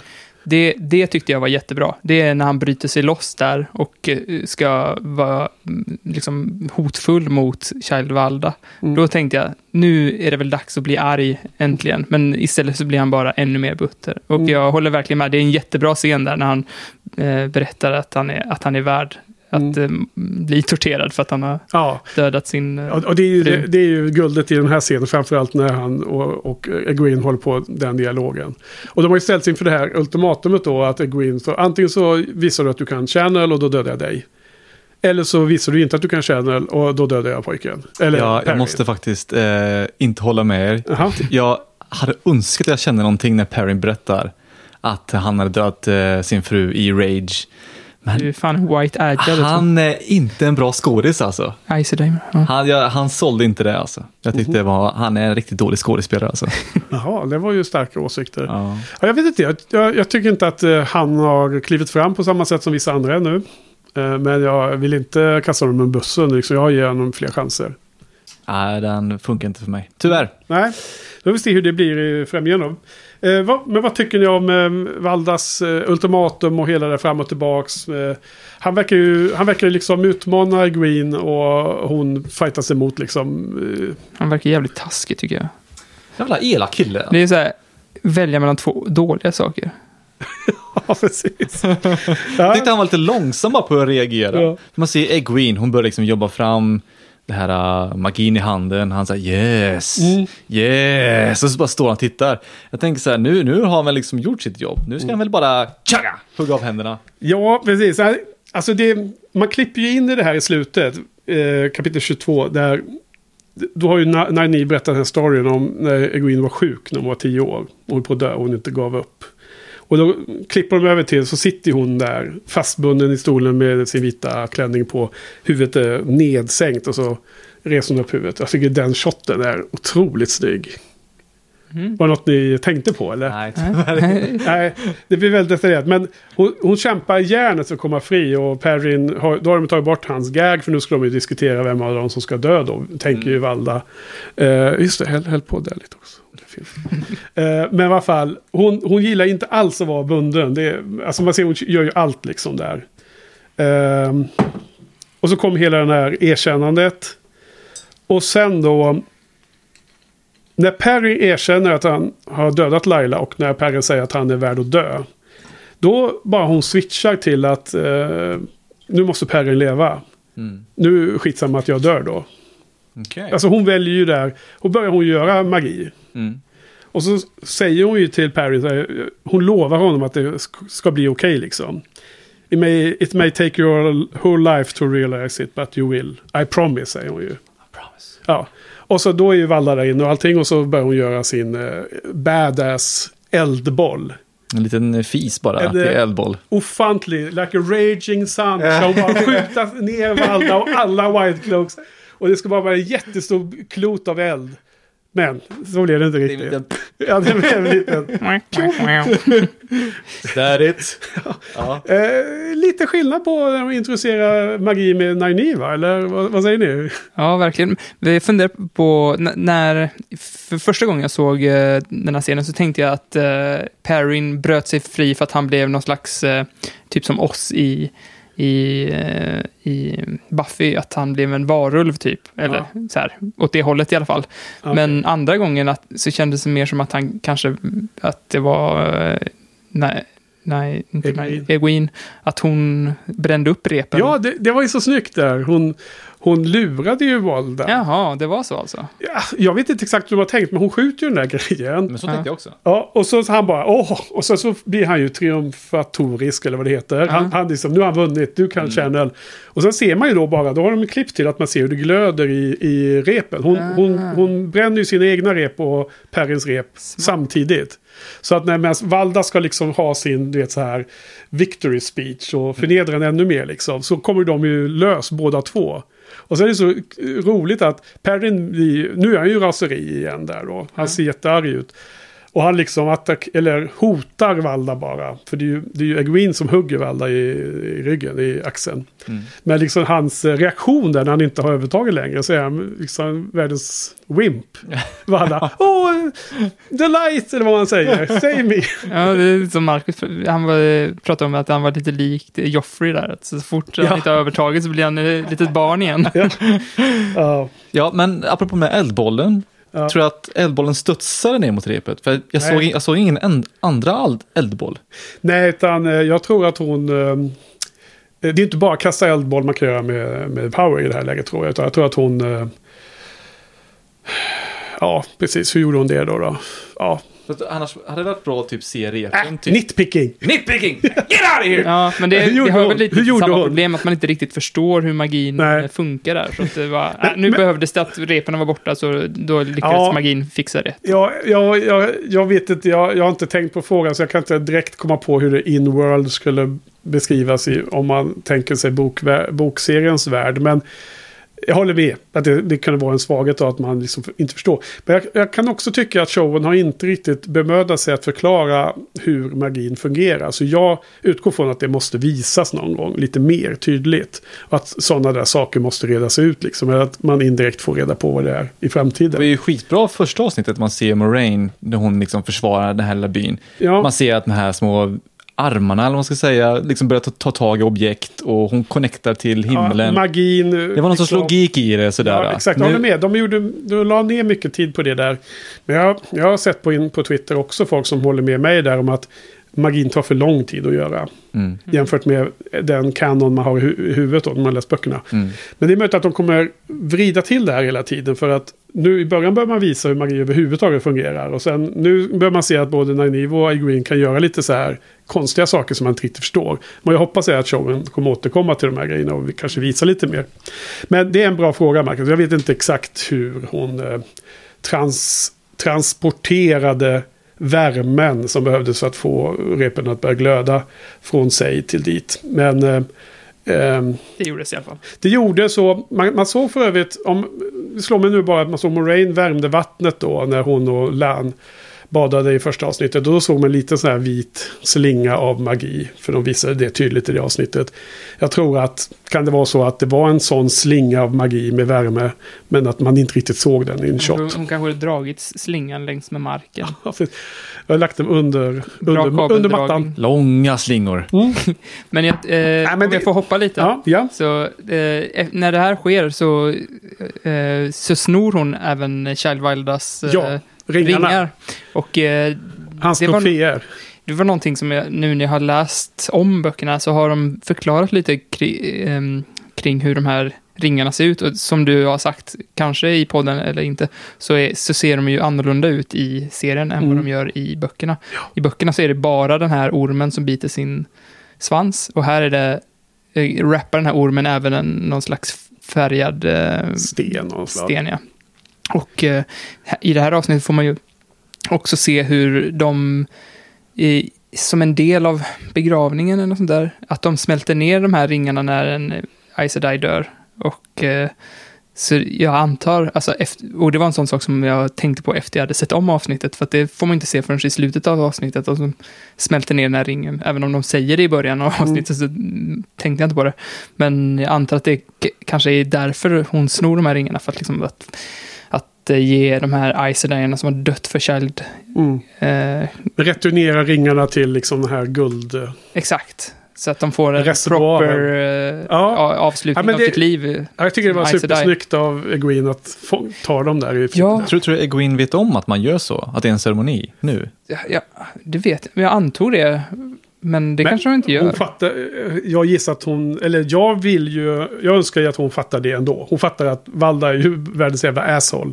Har dödat liksom Aes Kom Sedai. igen, det är lite tidigt att... Nej, han, så illa. Och jag ser, Han borstar hennes hår! han ser, eh, hon ser hans eh, troféer och hon hatar honom i detta läget. Eh, Hon tar dem bara för att det är eh, rätt att göra, tror jag. Ja, så tänker jag också. Ja. Ja. visst. kanske var så då. Tror jag. Men det, det, det, det, måste, det kommer säkert visas att, liksom, att det får någon betydelse att hon lämnar dem sen då, om hon lyckas ta sig till eh, The White Tower någon gång. Mm. Ja men alla fall, sen så rusar de ut och då är det massor med vargar där som håller på och anfaller eh, eh, lägret. Och Perrin och Egwin blir ju till och med konfronterade med en varg. Så hur ser ni hela det här sceneriet då? Jag tycker att alltid action i den här serien är dålig alltså. Jaha. Man kan ju se, se ganska tydligt att det var hundar som lekte. Att, de, att eh, det var ingen direkt våldsamma hundar.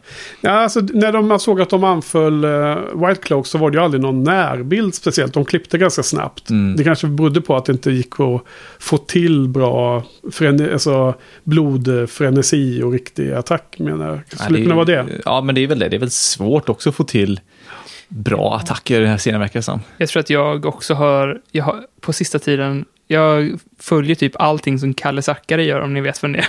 Men han eh, har börjat lä lägga ut så här jaktvideos på YouTube. Mm. Eh, som, som, jag är ju inte någon jaktmänniska, men man ser så himla tydligt hur en, en eh, hund ser ut som är aggressiv. Mm. Och det här var inte aggressiva hundar liksom. Ja, Det är Så ju de, himla de synd reser alltså. ragg och de, Ja. de verkligen är laserfokuserade. De här, de lallade runt de här hundarna och Ja. viftade på svansen. Så här, bara, ja. Men det, det, det, då är det dålig action. Jag kommer inte ens ihåg när jag gav min inledning.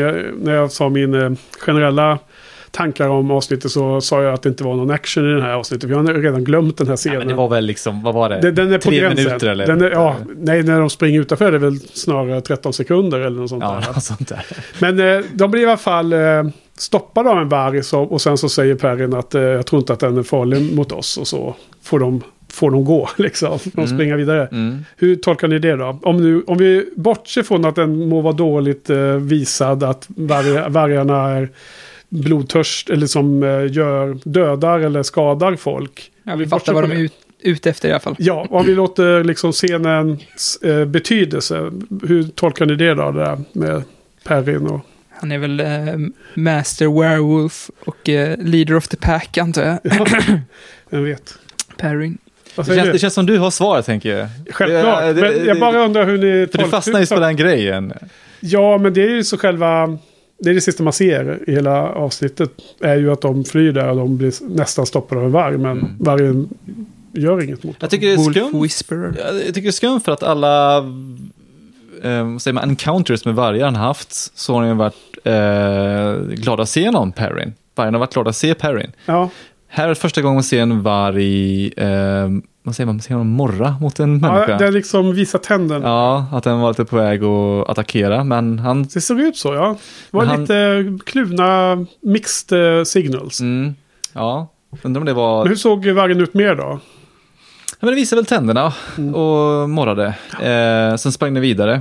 Så att, eh, inte, Det såg ut som du sprang in i campet och skulle liksom hugga någon. ja, ja, det kanske var eh, alfahannen där i deras Ja. pakt. Och så bara, nu måste jag typ utmana den nya alfahannen, Perrin. Ja, nej, det, var, det blev ju ingen utmaning. Han, det var som att det bara blev en liten moment och sen så sprang den andra förbi. Men i alla fall, spännande. Vi får se vad som händer. Men det var väl storytelling att visa att Perrin börjar förstå sin kraft nu. Att han börjar liksom förstå att vargar är inte efter honom. Ja, nej, precis. Det, det får vi ta med oss. Okej. It is quite exciting to meet an Ioman. I've read much of your people. I'm not an Ioman. Really? Red hair is one of the few physical traits that can help you work out where a human is from. I'm from the Two Rivers. an Ioman from the Two Rivers. I'm not an Ioman. An Ioman from the Two Rivers who insists that he is not an Ioman. That is very odd. I like oddities. Bra, men då går vi vidare. Då är det som eh, det som är uh, ungefär lika kort, men, men som jag känns som också en stor del. Det var ju Random Act. Mm. Gå igenom lite snabbt då. Då kommer de ju gående där och Matt eh, liksom ser ju jävligt sliten ut. Han ser riktigt sliten alltså. Jag gillar det. Det gillar jag också. Ja. Och, och, och de, är inte, de har inte för rena kläder, de är, inte, de är till och med smutsiga i Nu ansiktet. börjar vi komma igång Ja, här. ja, ja, precis. Nu är vi smutsiga, Ja. slitna människor. Ja, så kommer de in i Tar Val- Vallon och det är ju, jag tycker en härlig entrans, eller entré in i stan, det är liksom hela designen. Det är som ett myller. Det är coolt att ändå hur de har byggt upp så många olika städer bara Ja. för den här säsong, säsongen. Ja, verkligen. Det, jag håller med. Och de har ju tydligen byggt väldigt mycket. Det är inte liksom gjort i datorn, utan de har ju byggt fysiska Ja, saker. det är så jävla synd för det ser ju fake ut, men jag gillar det ändå, men det ser ju faktiskt väldigt Ja, fake ut. Det, det ser det. kanske ut som en fantasyvärld lite för mycket, är det du menar eller? Ja, men det ser ut som att de har så här HDR, alltså det är för mycket färger på något sätt så att man tror att det är så här Jag, jag datorgenererat tänkte på allting. det när man såg White Tower, vad heter det nu då? Ja, själva stan på den här ön heter ju Tarvalon. Mm, men Men själva, på, det Aes äger är ju The White Tower. Ja, med precis. ett högt torn och massor med sidotorn. Och sen är det liksom en, en stor del av, av Tarvalon-staden är ju The White Tower med omnejd. De har liksom en, en del i mitten. Yes. Det, det jag tänkte på där var att, att de har byggt upp det, men det ser fortfarande fake ut. Man ser liksom inte med att stenarna på väggen är liksom, det ser plast ut. Du vet, Ja, man, går, ju- man, går till ju en man går till en pizzeria när de Ja. har så här äh, tapeter med, med, eh, med, med, vad heter det nu då? Tegel. Tegel och sånt. De var så här, ja men det här är i plast. Ja, alltså, det är lustigt för att jag... Det här var, kanske är för att jag läser böckerna då. För att när jag ser de här miljöerna så, så är det andra saker som jag får tankar i huvudet. Jag, får, jag har inte tänkt en enda gång. Jag har sett avsnitt nu två gånger igår. Och sen idag när jag skrev notes så hade jag det på i bakgrunden som du. Eller hoppa mellan kapitlen för att se lite. Men eh, jag har aldrig tänkt på att det ser fake ut. Jag har, jag har tänkt på att det är inom, inomhus i hallarna där inne i The White, White Tower så tycker jag att det ser för litet ut för, för jämfört med det tänkte jag också. hur, hur jag hade tänkt mig. Ja. Jag hade tänkt att högre tak och bredare Visst. gångar inne i hallarna. Ja, jag tänkte det skulle vara Eller massiva halls. Förlåt, inte hallarna utan gångarna mellan rum menar jag nu. Ja, men uh, Moraine pratar med, vad heter hon nu? Leandrin. Leandrin. Det rummet känns jättelitet med de här statyerna och sånt. Ja, men då är de ju i en sån gång som är mellan. Ja, men man tänker att eh, fantasy, Ja. White Tower, det, ska, vara episkt Ja, jag stort. vet. Jag vet. Jag, Det ska eka det, där det, inne. det är det jag kände. Eh, sen den andra saken jag kände i, i världen där utanför i Tarvalon. Så, så, och det sa de också i, sa också Rafe i Behind the Scenes för, för Episod 5. Att det är liksom en eh, smältdegel av alla olika kulturer från hela den här världen som är där. För det, folk har liksom ärenden till Aes Sedaier och sånt. Och det kommer folk från alla världens hörn. Och jag tyckte ändå att det var, det var ett ett bra attempt att få det här myllret. Men jag fick en känsla av att alla såg likadana ut till slut. Alla såg ut som någon slags variant på Tinkers i mina ögon. Det var liksom ungefär samma typ av eh, material i sina kläder. Eh, Ja. Samma typ av färgskalor liksom. Mm. Medan när man läser böckerna får man en känsla av att det, att det är väldigt varje stor variation. Alltså allt från tjock ull till eh, bomull till siden till silk till liksom olika... Eh, väldigt mycket större variation. Ja, Så att, så att jag hoppas att de, när de kommer till andra delar av världen, att de är eh, ja, typ är bättre på att verkligen lyfta upp eh, skillnaderna. men de, de var väl kanske i två distrikt i den här staden. Ja, precis. Så kanske ju det distriktet är det kanske det här gänget, eller? Det är liksom som i New York att man har Little, eh, Chinatown Italy, och- Little ja. China, och, eller Chinatown och så vidare. Mm. Precis. Det- Här var det ukrainska området. Här var det Här Grekland. var det Tinker-området. Det kan vara så. Eh, Men sen då så hittar de ju ett in som eh, Tom utanför utanför vad vi har sett har då tipsat Rand om. Mm. Ett eh, ställe att bo på. Ganska dyrt ställe eller? Ja, det var Han tydligt. klagar lite. Ja. Okej, och sen då när de är här, alla de här scenerna med Tom och Rand. När de kommer dit och även när de är och tittar på processionen av Logain. Som vi ska komma till alldeles strax.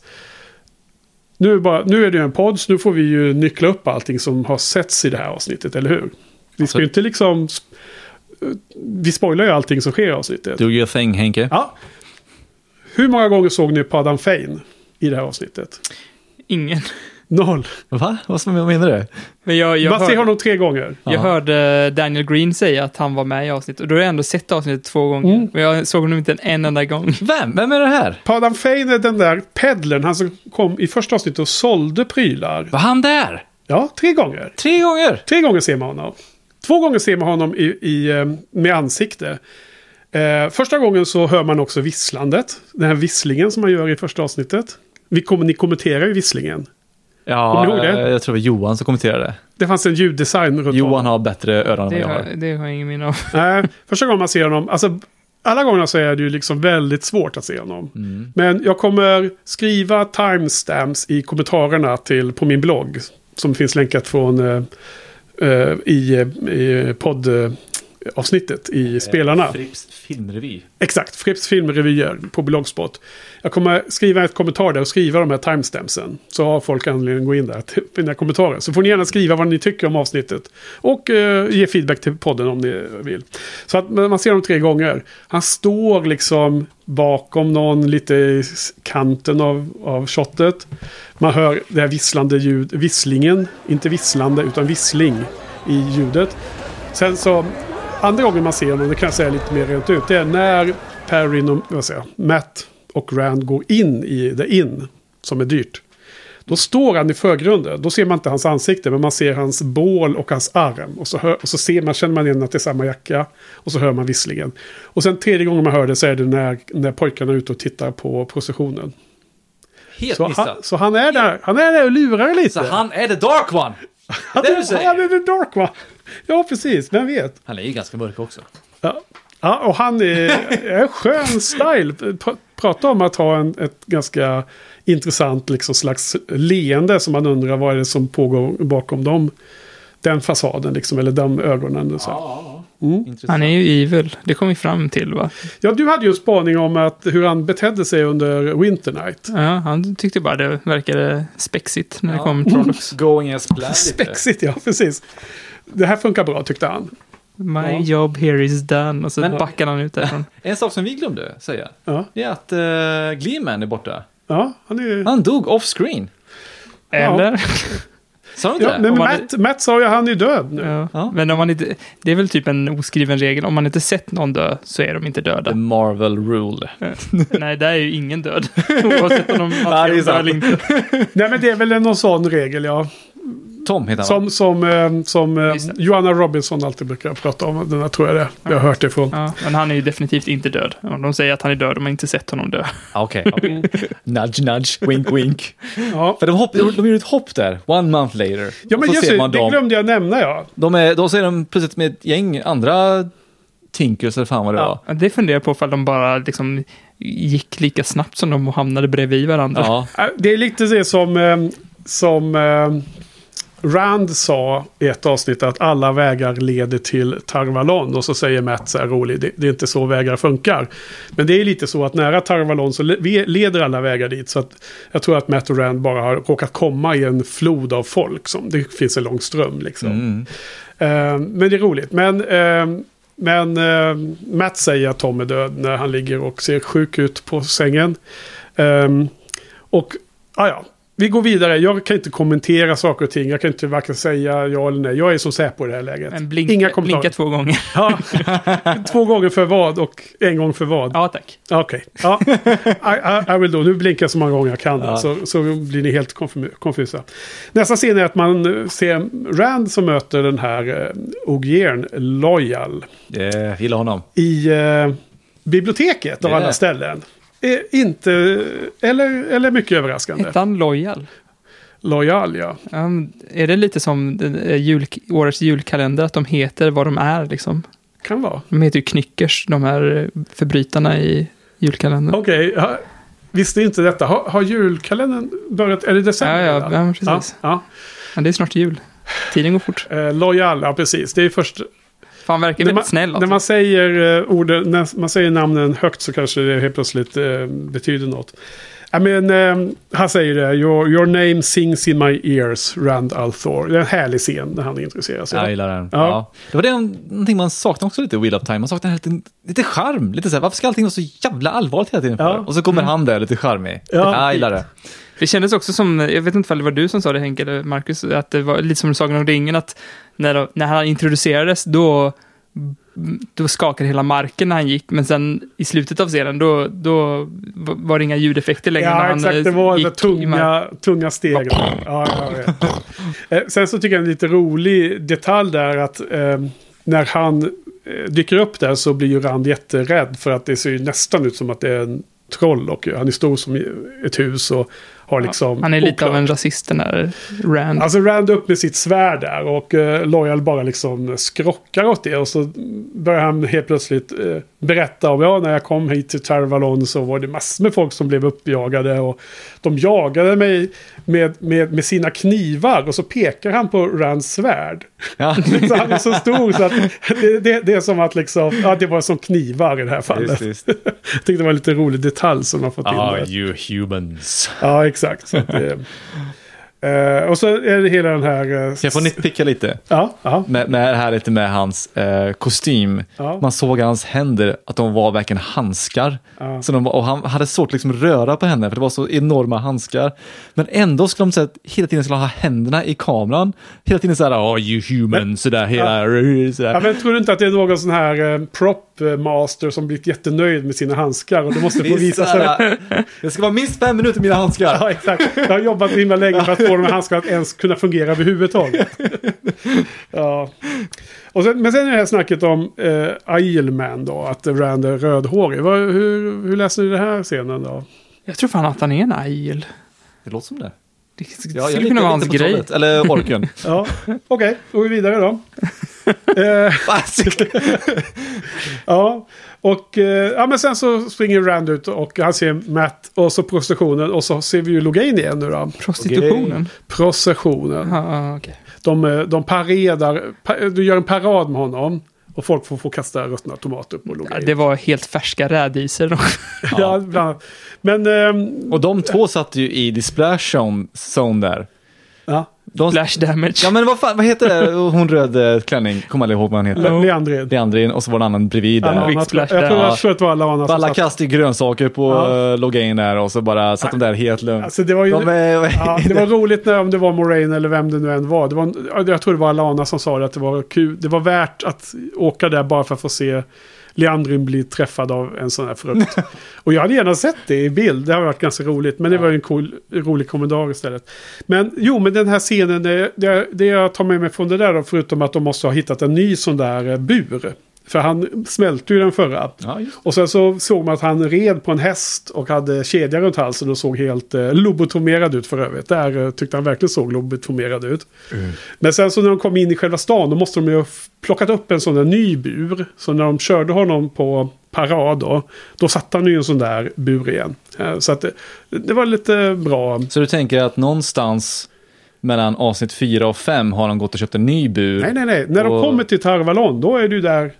Det är, det är ju hemmaorten för alla Aes Sedai, inklusive Red Adjust. Mm. Så där de, har, fixar de en ny bur? de har väl massor sådana murar som de, de har en Burmakare. burbutik. De har sin burmakare, Ja. de har sitt lilla stash med liksom fem eller tio Ja, vi burar. har en man här. De är har de en bur för en man här? De, ja men om det är deras ehm, eh, preferred choice av eh, fängelse för att eh, frakta en eh, Mm. Channeler. Leandrin, är du här igen? Då, då har de ju den, eh, den eh, de har, använde ju den för, eh, tidigare. Nu gick den sönder, nu tog de en ny. Mhm. Tyckte jag bara var, det var en bra kontinuitet. Eh, De löste det bra. När de kom fram till staden då hade de en ny bur. Det är bra marknad för jättestora fågelburar. Ja, precis.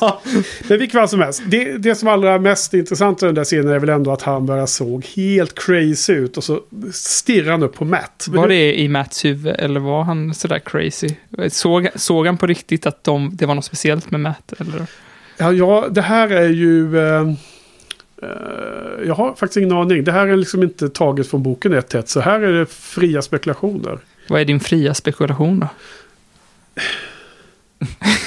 Nej men alltså, vad än som hände med Matt påverkade tydligen Logain, gissar jag. På något sätt som, som gjorde att Logain fick syn på honom och liksom kommunicera med honom på det sättet genom att göra liksom en galen, eh, eller han börjar skratta som en, main, som en galen man. Ja, jag tycker, precis som Marcus sa, att showen gör lite halvbra jobb med att visa vad som är i folks huvuden och vad som inte är i folks huvuden. För antingen, jag visste inte fallet så här, är det här i Mats huvud eller är det här att han, att uh, Logain faktiskt ser att uh, det är något speciellt med Matt och börjar gapa, Det är ju jättebra. Jag, jag hade inte ens tänkt tanke på att det skulle kunna vara bara i Mats huvud det man får se. Men eh, det är ju en superintressant eh, ny variant. Gjorde inte Gleeman, Tom, en, en eh, observation också på Matt? Att eh, you don't see the signs, Ja, he has the power. Absolut. Sådär. Det, det är ju något som är på gång här. Mm, så han har väl också the power. Vad heter det? The one power. Eh, Jag, jag, du jag, min tolkning är väl att, att, att de tror att han, att han har the power bara för att han har blivit galen. Fast han är galen av dolken och inte av att han har powers. Ah, så Logain såg liksom han är cursed, eller? Ja, men pre- precis. Eh, Hur man nu väljer att se på det. Det finns ma- massa sätt att se den där scenen på nu. Jag, t- tänker att jag. Dolken cursar väl Matt, eller? Ja. Det du menar, Ja, men- va? Ja, Precis, för att från Shadow Logos känns ju som signifikant med tanke på att de har använt samma bildeffekt och även lju- ljudeffekt på det här svarta skuggan eller klägget liksom som man har ut och in i munnen. Så att personligen så tror jag att det, det, det måste ha något som jag håller med dig där Johan. ja så att, så att mm, Tom tro, tolkade hans galenskap som att nu har han tillgång till magi. Mm. Fast i själva ver- verket är han bara cursed. Alltså Tom såg symptom som liknade Owens, hans, Exakt. eh, hans nephew. Men frågan är, är det det? Och frågan är också, vad är det Logain ser och varför beter han sig som han gör? Ja. Men vi får gå vidare, jag kan inte sp- spoila whatever jag vet från böckerna. Eh, men sen har de också en ganska tung, eller en ganska så här eh, olycksbådande dialog mellan Rand och Matt. Där de säger att Let's make a deal. All right. All right. If it turns out it's one of us, that you or me can channel. We won't let each other become like that. I'm serious. I don't give a shit about this prophecy nonsense. Ice to die, dragons, whatever. I won't be like that. You won't. You don't know that.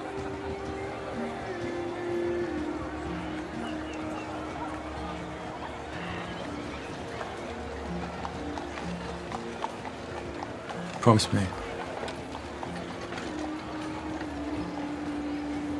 I promise.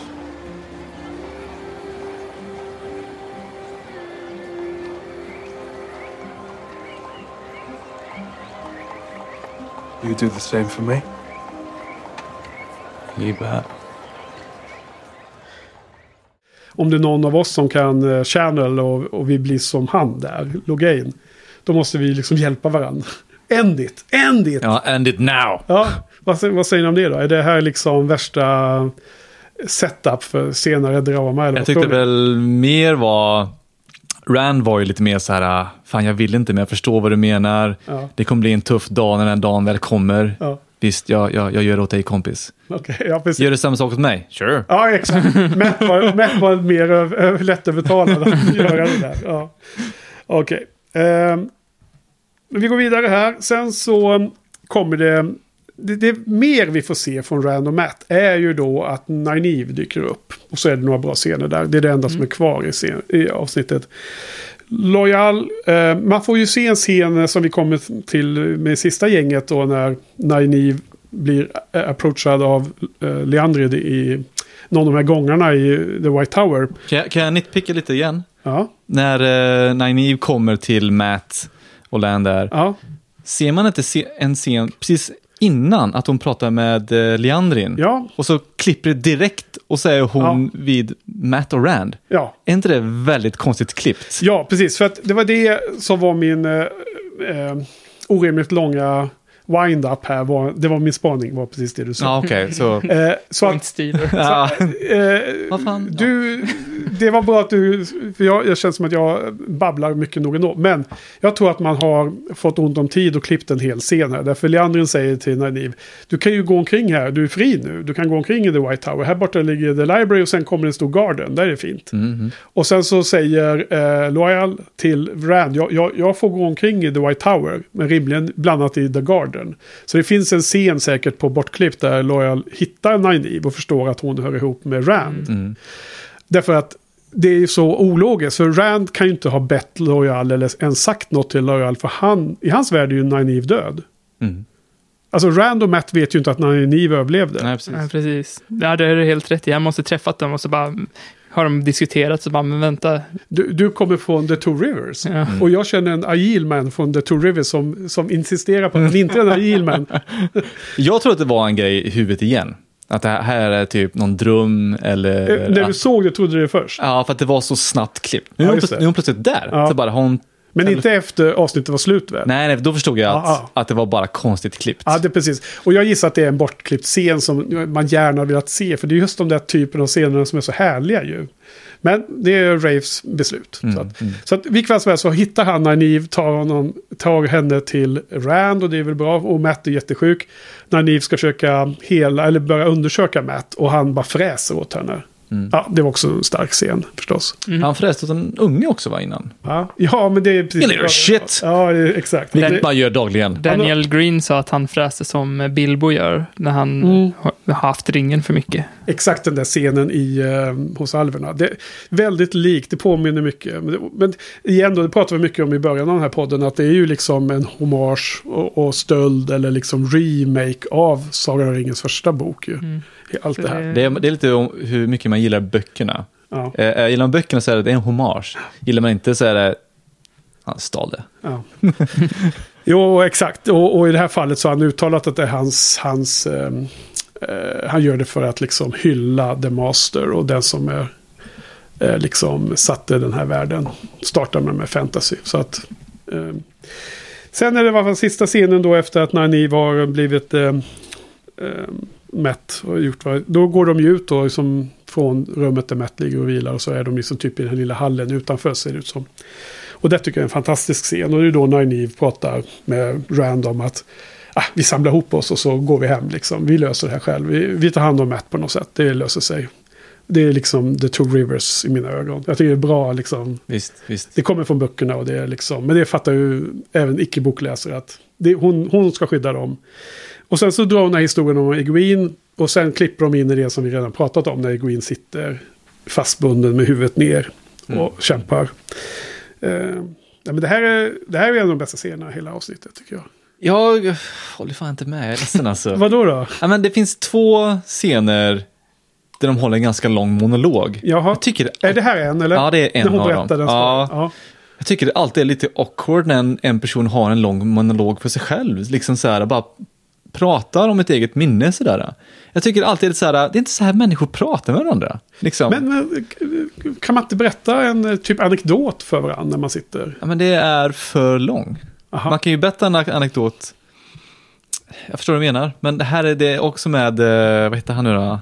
Eh, Warden pratar om när han träffade den här Aes Sedai nu då. Just det. Och så här, att, han var, superlång, att han var en uh, alkoholist superlång dialog. Jag tycker det alltid känns så jäkla onaturligt. Stark scen det också tyckte jag. Eh, Johan, gå in och avgör här. Ett mot ett. Loja har väl också någon sån, han pratar om, eh, jag kommer inte ihåg vad han pratar om, men, han, men eh, Rand tröttnar ju och går därifrån. Ja. Han, får- han bara fortsätter prata. Ja, visst, visst. ja, det, ja, det är också rätt så skönt. Det är också klockrent eh, den karaktären. Men eh, generellt sett då, sådana här lite längre eh, monologer. Är det bra eller dåligt att använda i showen? Jag tror att det faktiskt är ganska dåligt för att varje gång jag har sett det så har, det, har jag bara zonat ut. Mm. Och sen har jag andra gånger jag har sett det, när jag har liksom Ja. koll på hela historien, då har jag liksom tagit till mig de här historierna. Det Ja. har ju varit så i varje avsnitt, liksom, att jag, jag, jag lyssnar inte ens på vad de säger förrän andra gången då jag vet vad som händer ungefär. Då behöver jag inte koncentrera mig på he, liksom, övergripande storyn. Då kan Ja. jag lyssna på vad de faktiskt säger. Så Men- jag tror att det, det är inte bra för serien i, liksom för den vanliga tittaren. Liksom, Du är för- så, som inte ser om avsnitt. Nej, jag vet, det här är liksom mitt perspektiv, för att jag, jag det kan hända att jag tar till mig mer, äh, tar till mig mindre än vad den vanliga tittaren gör. Jag vet inte ifall jag är Nej, jag lätt distraherad liksom, men, men Ja, jag, har bara, Ja. jag har bara sett det en, en gång i avsnittet. Men det, Ja. det, det är väl en eh, modern sjuka att allting ska klippas och vara snabbt, snabbt, snabbt också. Det kanske är en ovana att säga. Jag menar, sätt er ner och se vilken långfilm som helst från 70-talet. Då kommer ni uppleva som att varenda scen är ju för lång. ja, För, för man är ja, van med liksom hur man klipper filmer idag. Ja, man, ja, utvecklingen har gått framåt tycker jag. Alltså, jag tycker det är en filmer har blivit annan- bättre annan och aspekt. bättre. Det är en annan aspekt av det. Jo, men jag, jag tycker ju att... såhär, Jag kollar ju hellre på en ny film än en gammal film. Mm. Och jag kan förstå till en viss del att det är charmigt att kolla på en gammal film. Alltså man, så här, ja, man ser att det är att de har använder så här, eh, istället för green screen så har de liksom projekter bakom skådespelarna. Ja. Jag kan se att det är charmigt, men jag kan inte tycka att det är bättre på något Nej, sätt. Liksom. men det kanske finns någonting i tempot att berätta en, en story. Och hur den landar i tittaren som är väldigt olika och som ändras över tiden. Och man kanske är inställd på någonting som är modernt. Och sen kanske den här showen ändå bryter mot det moderna och gör lite mer sånt som man normalt sett gjorde med förr. Då kanske det blir en eh, skär sig mellan vad man är liksom vad man nu för tiden Ja, accepterar och kanske. inte. Kanske. Men, men jag tror också att det är väldigt intressant att du säger att det blir bättre andra gånger man ser den, för det är min egen upplevelse. Eh, så jag kan tänka mig att när jag ser avsnitten första gången som har läst det här i böckerna och som har den här världen i huvudet. När jag, när jag ser att de kommer in i Tarvaland då fyller ju bara showen i saker som jag redan har tänkt på många gånger. Så för mig är det annorlunda, det är ju bara att konstatera. Och för mig är det lite så att alla de tårarna som rann i sista scenen, de fylldes ju på här. Med alla scener med Egwene. Mm. Eh, scenen med när Nynaeve kom till Rand igen och sådär. Eh, då, då satt man bara, alltså, jag var helt, ö, ö, ögonen var helt fyllda av, av tårar i slutet. Så att när, när Lan började slita av sig kläderna och skrika, då, då brast det liksom bara. Det, det blir en sån uppbyggnad liksom. Så att det var ju en väldigt stark känsla. Det är därför jag tycker det här Fan vad avsnittet... sjukt hur, hur olika man kan ta till sig scener. För där var det mer att jag bara... Oh, Ja, men vi, vi ska lite. komma till den, för Ja. jag tror att både jag och Marcus var mm. påverkade av den sista. Så ja, det var ju i alla fall det som var med Rand och Matt. Och Mm. jag tyckte att det är väldigt mycket bra grejer där.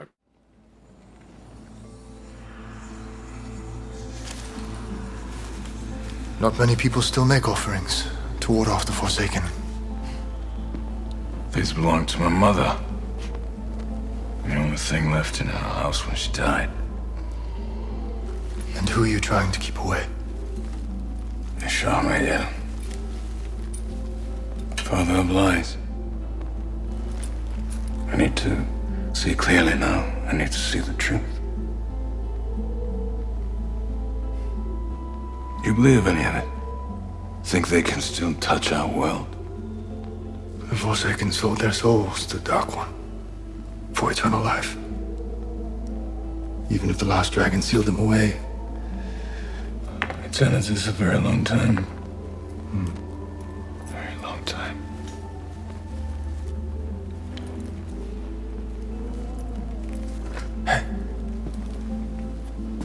enough of this. I'll stay with you till morning.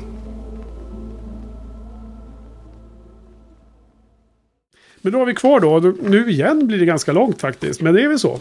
Det är mycket att prata om. Ja, Jag är chockad. Nej, det är jag inte. Nej, nu var det ironi och jag, jag är för, eh, ja, för slow här nu. Nej, men nu har vi allting med Moraine och Lan och Nine Eve. Och nu är det här största delen av hela avsnittet. Så vi kanske inte kan gå igenom varenda himla scen. Men det finns ganska många roliga små eh, notes här. Eller roliga, intressanta som jag gärna skulle vilja bolla med er vi får bara köra på här då, får vi se hur långt det, det, det tar. Det är väl långt om det blir, det är väl lugnt om det blir långt. Ja, det blir lugnt. Eh, det är lugnt. Eh, först ser man dem komma åkande mot Tarvalon. Och då är det så himla roligt att eh, Moraine faktiskt kallar Lan för brooding. Är det inte lite kul ändå? Nästan miss- lite det missade meta- jag. Ja, men hon, så här, du, hon säger något. Jag har inte skrivit upp citatet, men det är nästan lite metanivå. Eftersom han ska vara... Alltså jag tror att det är en setup i hans, explos, hans uttryck av sorg i slutet. När han säljs ju in som en sån här som inte visar känslor. Och han gråter ju inte i slutet, han skriker istället. Eh, Men då när hon pratar om att han är brooding tycker jag var härligt. Och inte minst med tanke på Angel och allting som är så brooding alltid i Buffy och Angel-serierna. De hade en annan rolig dialog där. Eh, för de började nästan närma sig White Tower. Ja. Så säger man att, eh, fan, fan går dialogen. Do you think they will find us? If not, we will find them. Ja. Det tänkte jag så här, någon måste punch upp dialogen här. nej men, nej, men du, du kommer ihåg citatet fel. Jag skrev faktiskt upp det. Ja. Jag hade tänkt hoppa det nu, men eftersom du ändå tog upp det så får jag chansen här. Ja. Jag tycker Moraine säger, det är lite samma sak som Matt när han sa så här angående att Tom eventuellt hade lurat dem. Då säger när, när Rand i förra avsnittet säger så här, det kan vara så att Tom bara lurar oss. Då säger Matt, that would be smart. Du vet, eller inte riktigt med den betoningen. That would be smart. Du, vet, du gillar ju den, den eh, dialogen. Det här är ju precis samma, de använder samma knep här. För Moraine säger till Lan, när de väl har lämnat Logain, då ska de börja kolla efter The Two Rivers-folket. Det är det som är kontexten. Så säger de så här, if they, alltså, Lan har frågat så här, tror du att de är där? Tror du att de är i Tervalon? Då svarar Moraine, if they are, we'll find them. And if they aren't, well, we'll find them. det är liksom lite samma, det är den här tankepausen. Antiklimax, finns det paus Nej, där men det också? nej, det är så- här, det är så en klockrent. Det kommer Nej! sätta punch! Nej, men det- Och så bara, we will find them. Alltså i första halvan säger hon så här, ja, om de är i Tarvalon då kommer vi liksom hitta dem. För hon har ju sina spioner överallt. Hon hör vad som händer i stan. Liksom. Det är hennes, det är hennes, det är så hon jobbar. Hon har ju liksom mycket information som flödar till henne hela tiden. Hon har sin quest. Så om de är i Tarvalon då kommer vi hitta dem, säger hon till Anne. Och så, om de inte är där, nej, då lägger vi ner. Då har vi jobbat 20 år i onödan. Då, då, då ger vi upp nu. Även om de är i byn bredvid Tarvalon så ger vi bara upp. Ah. Nej, utan då säger hon We'll find them. Det är, så det, är bara, det är bara det här som gäller. Det är det enda hon har. Hon ska hitta The Dragon Reborn ju. Det var en tråkig leverering. Ja, jag tycker att det var... Det var så, så bra så att jag skrev upp det här som mina notes. Men nu börjar jag känna stressen med tiden. Men det ska vi inte känna. Denied. Ja, nice. Sen då så kommer de in och så gömmer Moraine Nynaeve inne i ett rum. Vilket är eh, ganska lustigt, hela den här eh, sekvensen. Att Mar- Moraine, vad var den till för? Att Moraine vill, liksom, eh, vill ju prata om det här med den interna politiken mellan alla Aes Sedai. Och alla kommer liksom ha huggsexa om Nynaeve för att hon har ju visat så hög potential. Men sen kommer en ganska bra scen där när, när hon helt utan dialog kör ut Län från rummet. Det såg ni ju, det var ju bara ögon ögonkommunikation och eh, Län lämnar rummet och så får Moran prata med Nynaeve själv. Det, Där, där fyllde jag också på med egen dialog, för jag tyckte att dialogen kunde punchas upp lite grann. För, men vänta, innan vi kommer till dialogen så var det väldigt bra spelat av Zoe Robbins, där, eh, Nynaeve. Hon gav ju också en min när hon såg att Län liksom tog den orden från Moraine. La ni märke till det? Det var liksom, alla tre spelar ju bra där. Ingen dialog. Och Län lämnade till slut. Den, den scenen var väldigt fin. Mm, Okej, men sen, sen kom det snack om det här. Det är It's okay to be afraid och allt det där. ja, nej, det var innan, innan det. Vad är, vad är det, vad är det Nynaeve säger till... Ja, den dialogen om att eh, du är så stark så att, eh, och då, eh, du måste vara, ha respekt för the women in this eh, tower. Och då säger Nynaeve tillbaks, ni ska ha respekt för mig. Ja. Är det den? Okej. Och då, och då, i och för sig så har eh, Moraine en ganska härlig min där hon bara så här, oh, whatever. Ja, This ja, fucking kid. ja. ja, exakt. Så här, jag tänker bara, ah, okej, det kunde, dialogen kunde varit där att Moraine sa så här, okej, vi kan alla bara respektera varandra, är du nöjd nu? Typ så här. Man såg på det att de bara, åh, jag orkar inte. Det blir säkert bra. Ja, ja. Ehm, precis. You listen here little shit. Ja. Nej, det är liksom eh, konfrontation mellan dessa två damer. Är liksom, det får man väl pytsa ut lite pö om pö gissar jag att Rafe tänker. Och, och nu är alla de här scenerna, precis som förra avsnittet så är nästan alla de här scenerna tagna ur kontext. Därför det sker inte på samma plats och på, eh, precis i samma ögonblick som i bokserien. Så att allting är ju liksom uppför kan vara lite ändrat liksom. Så att det är ingenting jag egentligen vet vad som Jag måste erkänna att jag gillar typ att det, de har ändrat sådär mycket. För jag kommer ihåg att jag lyssnade på podd, den här Joanna Robinson och Dave Chens Mm. podcast om Game of Thrones. Mm. Och där var det ändå, de följde ändå böckerna hyfsat, bara att de kastat om en del. Ja. Men de följde hyfsat fram till slutet. Och så fort Joanna Robinson sa det här var inte med i boken, då kände jag så här, då är det skitsamma, då vill jag inte ha den här scenen. Om den inte är med i boken, liksom, då, vill, då vill jag inte veta om den. Men nu är det så himla, så himla skilt från böckerna Ja, enligt just vad det. du har berättat. Så det känns som att scenerna ändå har betydelse, trots att de inte är med i böckerna. För att det, är- Ja, och jag, det jag blir inga tror, scener kvar om man Nej. bara ska ha scener från böckerna. Liksom. och jag känner igen mig lite i det, för jag lyssnade också på den podden då. Och tyckte att det var den känslan. Och nu blir det liksom, jag kommer ju ha en annan upplevelse än, än en icke-bokläsare. Men jag tror att båda parterna, både jag och Marcus då, då som du är den här eh, ultimata icke-bokläsaren, guldpojken. Du bygger upp mig mer och mer. Ultimata, golden boy. Exakt, nu, det, måste bara, det måste vara over 9000. Vi måste, vi måste ha eh, respekt för Marcus Ja, nu. ja. Nej, men jag tror att båda kan faktiskt diskutera de här, de här scenerna utan att spoila allt för mycket. Men vi har säkerligen tolkat dem olika. Och det är klart att jag väger in lite hur jag ser Nynaeve som karaktär när jag ser henne agera mot Moraine och ni ser lite annorlunda. Så att, men men vi, vi går vidare. Uh, Sen då så blir det mycket runt det här med eh, lore om eh, Warders och de här. De har liksom första familj de har haft eh, White Tower. Och det är den här långa monologen när Steppin berättar om det. Och han är ju liksom, han är ju väldigt deprimerad. Men han lever ju fortfarande och han liksom fungerar. Han ska lämna ringen och det här. Det är som en viktig ceremoni. Det är ju inte med i böckerna alls. Men skitsamma då. Liksom, faktum är att det, min förväntan var väl att han skulle komma i sån rage så mycket så han inte skulle leva många minuter efter hon dog. Och jag tror att jag kanske nämnde det också i förra veckan. Men här spelar de ju lite att den där dynamiken, vad som händer efter den dödsfallet är lite fördröjt. Känns det som. Och det kanske är bättre i en tv-serieshow för att du får, du får ju mer eh, göttigt att eh, behandla. Liksom, i den, Den här scenen resan. tyckte jag var jättemycket bättre också andra gången jag såg den. För, att, för då vet man om att han tar livet av sig. Mm. Och då är det som en foreshadowing som du brukar gilla att, att prata om. Att, för han sa ju så här att innan han träffade eh, Karina. Karin så, så, vill han, så hade, hade han ingen anledning att leva. Han, Ja, just det. en Death Wish, ja. Ja, han hade en dödslängtan och sen när han träffade henne, då var liksom, Fick han Hon- value. ja men då fick, då, då fick han en anledning att leva vidare liksom. Och, eh, och eh, jag har också så här, lyssnat en del på intervjuer. Han som skrivit den här Avicii-boken har också pratat väldigt mycket om så här, att ingen kunde misstänka att han ville ta livet av sig för han var liksom på bättringsvägen. Och här kändes det också som att han han eh, var ändå, hade en trevlig kväll med, med Lan liksom, och man kunde inte misstänka att han skulle ta livet av sig och det, det kändes Ja, det kändes trovärdigt med tanke liksom, på det. Bara det faktum att Län valde att spendera natten med honom. För att vad som sades var ju, vad som framkom, som jag fattar mer i andra titeln än första, var ju att de hade redan bestämt att Alana skulle ta honom som warder. Nästa dag skulle hon ju bonda honom. Mm. Det fram, jag tycker i andra titeln framgick det i alla fall. Eh, Jag har inte, tänkt på det överhuvudtaget. Han sa väl att han skulle hänga med två andra dudes. Ja, dels att de skä- skämtade om gay sex där, som Visst. var en väldigt rolig scen. First time. Alltså, I, I, I've never been with a guy. Och så säger den, two guys. Okej, första gången för allt. Så att säga.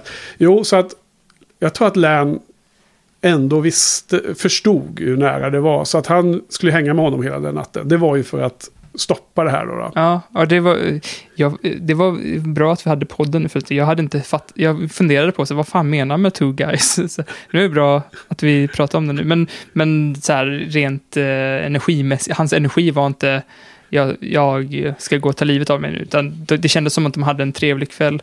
Och det Ja. var väl också så här, om man knyter an till Perrin, som han känner ändå, det känns ändå smä, eh, sundare eller rimligare att känna den här smärtan och liksom vara butter i fem avsnitt kändes mer sundare än att plötsligt så här Men vet vet förtrycka, jag, trycka undan so- sorgen på något sätt.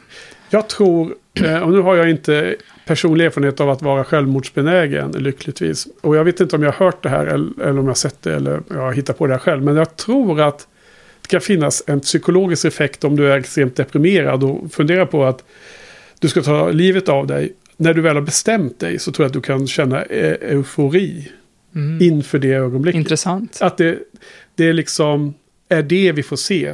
Han liksom, när han har bestämt sig, då är det bara spela upp liksom. Va, Ja. Vara, han spelar ju ett, en charad för alla sina vänner för att de inte ska stoppa honom. För han har redan bestämt sig. Så att när de står och pratar där med, och när de sitter med Län, då, han har ju till och med hämtat det här sova teet från Nyliv. För att eh, han vet att Län kommer Det göra tänkte det jag inte här. heller på förrän andra gången. Men, Ja. ja. men det är in, superintressant för att så som jag tolkade alltså han som skrivit eh, Tim Avicii-boken så var det att, att det kunde vända så himla snabbt. Att från att vara eh, glad liksom till att vara eh, liksom grundlöst eh, deprimerad kunde gå på bara minuter. Men, men det var för att han måste ju vara så bi- bipolär då, låter det som. Ja, kanske. Ja. Nej, jag, jag, nu vet jag som sagt inte alls var, var det, det där eh, tanken kommer ifrån. Men jag, jag tänker att det är inte en bipolaritet utan det är mer en den sista fasen innan du tar ditt liv. När efter du har bestämt dig. Liksom. Det är superjobbigt medan du brottas och våndas och Ja. mår så dåligt så att du faktiskt kommer till ett sånt beslut. Men när beslutet är taget så blir det en lättnad. Det är faktiskt mycket rimligare. För att han, det är ju så himla planerat där. För att han går ju till Nynaeve och ber om det här, det här eh, sömnmedlet. Och, och eh, det, det, såklart, det hade kunnat vara att han, det var från början till sig själv, men så får han ett infall och ger det till Län istället. Ja. Men jag, det är inte så jag tolkar det, utan det är... Nej, och han, han är ju dessutom ännu... Han är smart där också för att hon tror ju att han vill ha sömnmedel för att slippa smärtan. Men han, han förklarar för henne till och med att det är smärtan som han vill ha, ha kvar. Mm. Och hon, hon, hon svarar ju...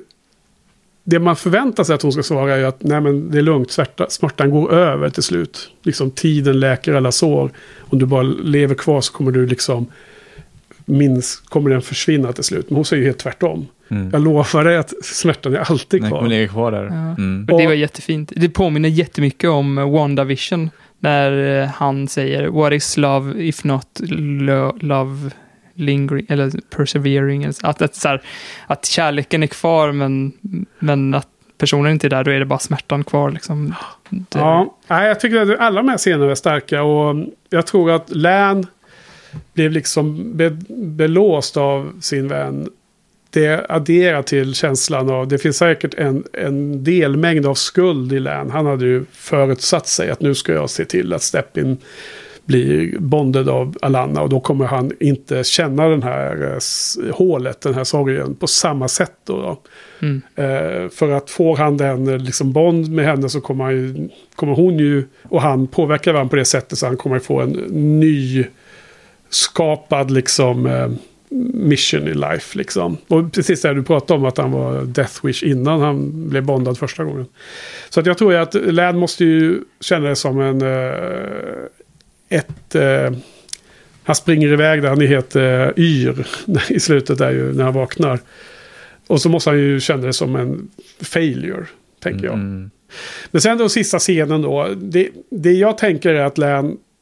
Många fans som såg den här scenen i trailern när eh, Län eh, skriker och det. Och slår på bröstet. Precis som Matthew McConaughey. jag jag tänkte också backa det. lite bara. Jag Ja. fick en så jävla snygg scen med Lan när han vaknar upp. Ja, Och han liksom ser teet, han ser en dolk saknas, han Ja. bara fuck Moraine är i fara.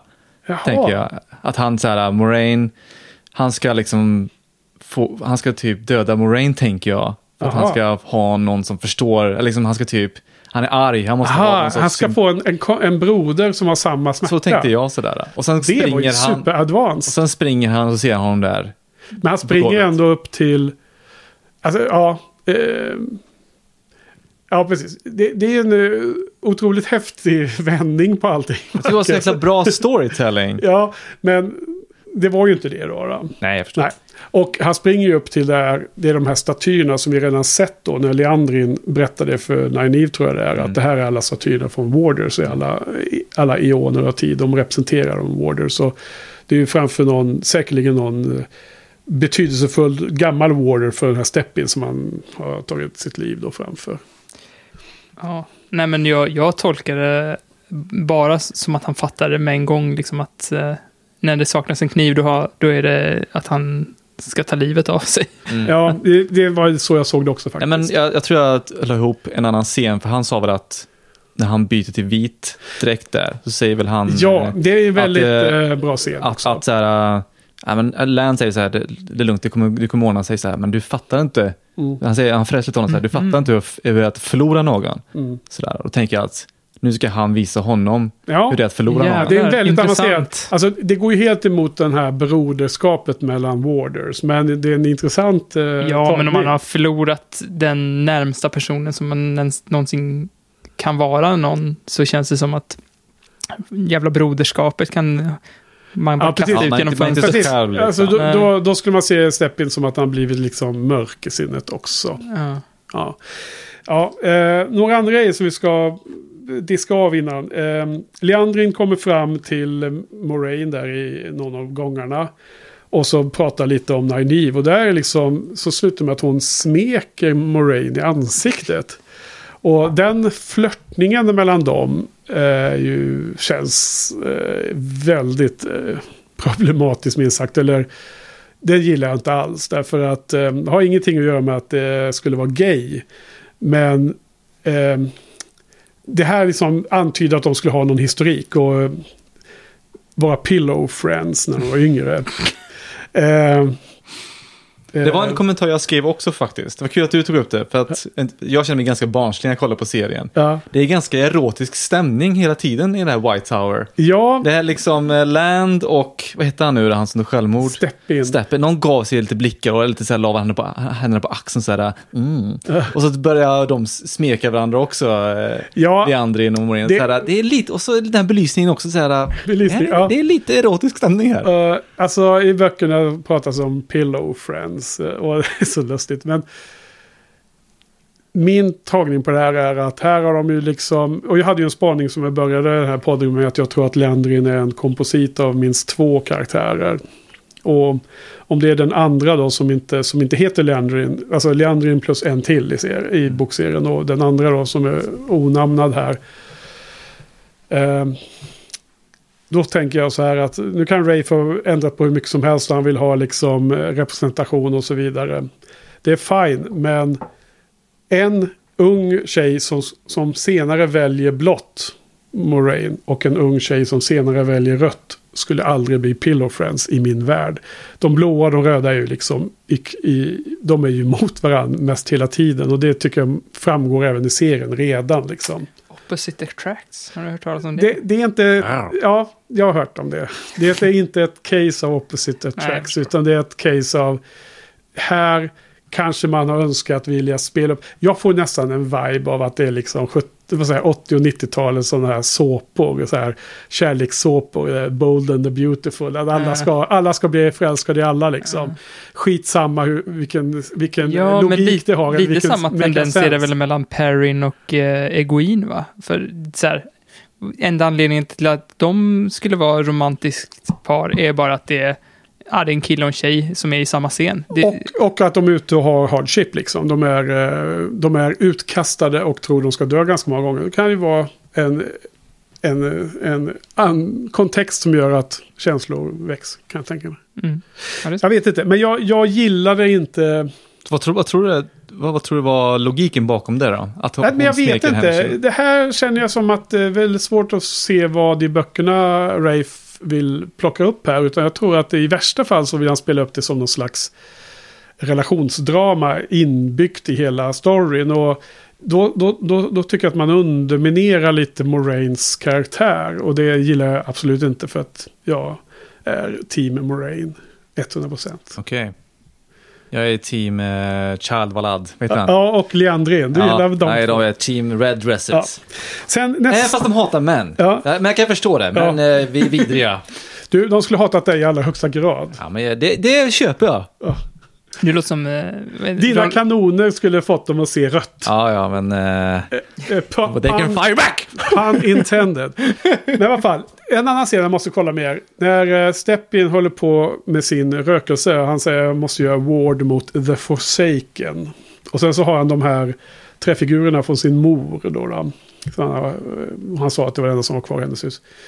Det är, jag tror det är nio stycken. eh, vilket är en udda siffra för att det stämmer inte överens. Det kan ju vara så att de har reducerat antalet som finns i böckerna. Men vad, vad är er uppfattning av, vad är det de pratar om? De, de nämner en av dem, eller minst en.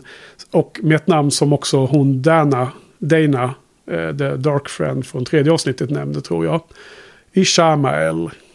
Så vad, vad, vad tror ni om The Forsaken? Jag har ingen aning. Alltså, eh, andra gången jag såg avsnittet försökte jag verkligen tänka, men jag, tänk, jag tror jag tänkte så här, eftersom jag visste att han skulle ta livet av sig, bara, vad har det här med att ta livet av sig att göra? För att eh, det, det var någon person som skulle få honom att se klart någon, an, någon som inte kan ljuga eller något sånt där. The, the Father of Lies, han ville inte att The Father of Lies skulle påverka honom. Han vill se klart nu. Och det är bara för att han tänkte på sitt eh, ta livet av sig, gissar jag. Vad har de med, jag förstår inte riktigt kopplingen med att se klart och ta livet av sig. Att, att, han, att han vill typ rättfärdiga Nej, men han ville väl gå in beslutet. i det här sista ögonblicket eh, klarsynt. varför. Därför att eh, han ville det. Han, han ville liksom vara supernärvarande när han gör detta. Liksom när han följer den här instinkten som han har. Mm. Han vill inte bli förledd av the father of lies. Alls. Okej, så att, ja precis. Så att han vill inte att det ska vara ett beslut som är taget på, på, i, med en vanförelse, vanföreställelse precis. i, som grund, utan det ska vara ett riktigt beslut. Klar, klar Ja, men då tänkt. förstår jag. Ja. Då förstår jag. Så att han, vill inte, han vill inte bli liksom övertalad att göra det av fel skäl. Och han vill inte bli övertalad av att inte göra det av, skäl, av fel skäl heller, gissar jag. Nej, det känns som ett, ändå ett stort beslut. Som, Ja. Men eh, eh, sen är också att showen behöver ju implementera massor med grejer kvar. Så det är inte så att varje sak som händer leder fram till sista scenen i det, samma avsnitt. Det kan ju vara något som kommer i avsnitt 6, 7, 8. Eller avsnitt eh, säsong 4, avsnitt 7.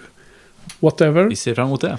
I, I böckerna så är det ju notoriskt eh, mycket snack om och väldigt intressant när man läser om böckerna att se hur lång tid innan Robert Jordan planterar saker som sen får frukt.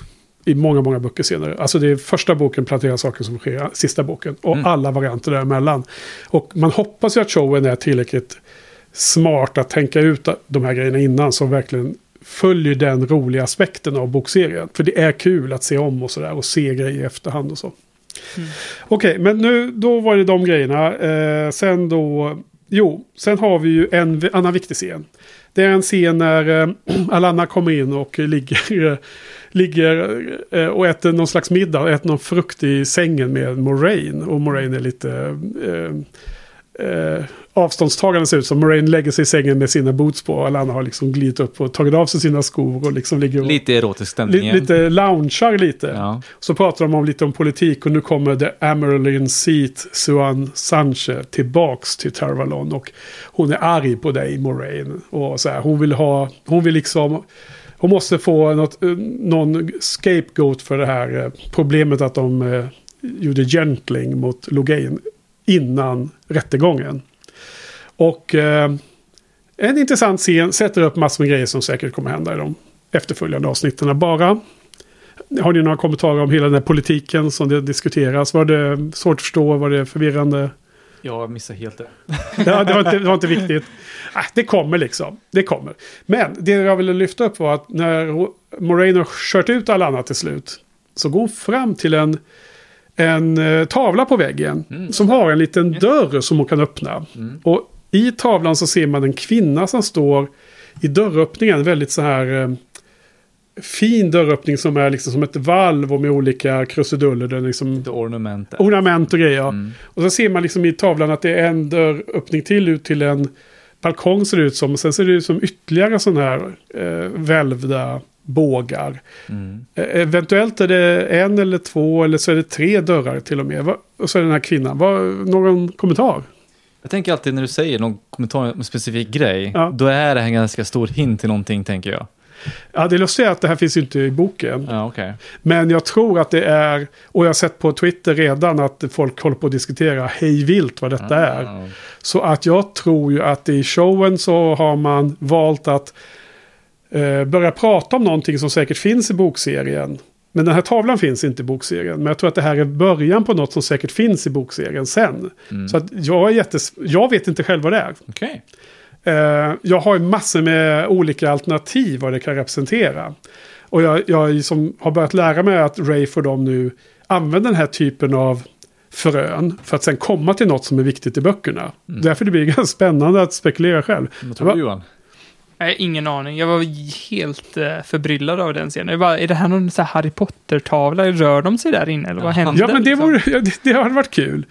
Jag såg på Twitter, någon undrar om det är någon slags kommunikationsmedel med någon. Mhm. Vilket skulle vara lite eh, weird för jag tror inte det finns så många sådana i den här världen. Men kan hitta, eftersom de, ja, de kanske hittar på egna grejer. Det kan finnas nymodigheter som inte en bokläsare känner till.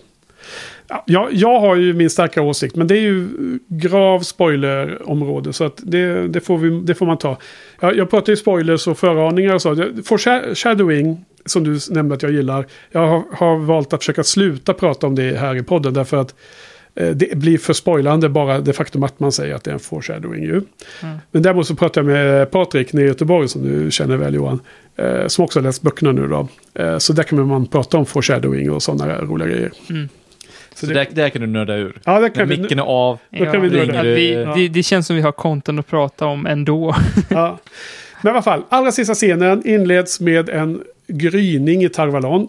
Personen trodde ju att det var en ny mardröm. För det var filmat på lite liknande sätt. Ja, det såg väldigt CGI-aktigt ut, så det kändes inte verkligt på något Ja. sätt. Men det var solen gick upp och så. Sen så kom vi till det här begravningen av Steppin då. då. Och eh, det, det är liksom, eftersom Län har hittat honom, allt det har vi redan pratat om. Jag tycker att det känns som en väldigt bra scen. Ehm, man har någon slags, de har tydligen efterforskat olika begravningsceremonier och hittat någon som passade in. Där man då tydligen har någon form av appointed mm, så huvudgriever. Alltså någon som ska sörja åt alla andra. Och En då, gråterska. Ja, en gråterska, som man kan kalla det. Är det en grej? Ja, det, är en grej. Fast, fast, ja, är det exakt samma eller jag vet inte. Men, Jag vet inte. Men... nej. men här pekar någon ut Lan, han får gå fram och han ska vara den som liksom sörjer vid, med, tar i liket. Och han gråter ju inte, han är ju, han, han är ju gjord av sten eller vad man ska säga. Men, men eh, skådespelaren Daniel Henney valde ju att tolka som att det Lan skulle uttrycka sorg är ju eh, skrik. Som, som ett eh, battle cry. Och eh, jag tycker hela scenen är superstark.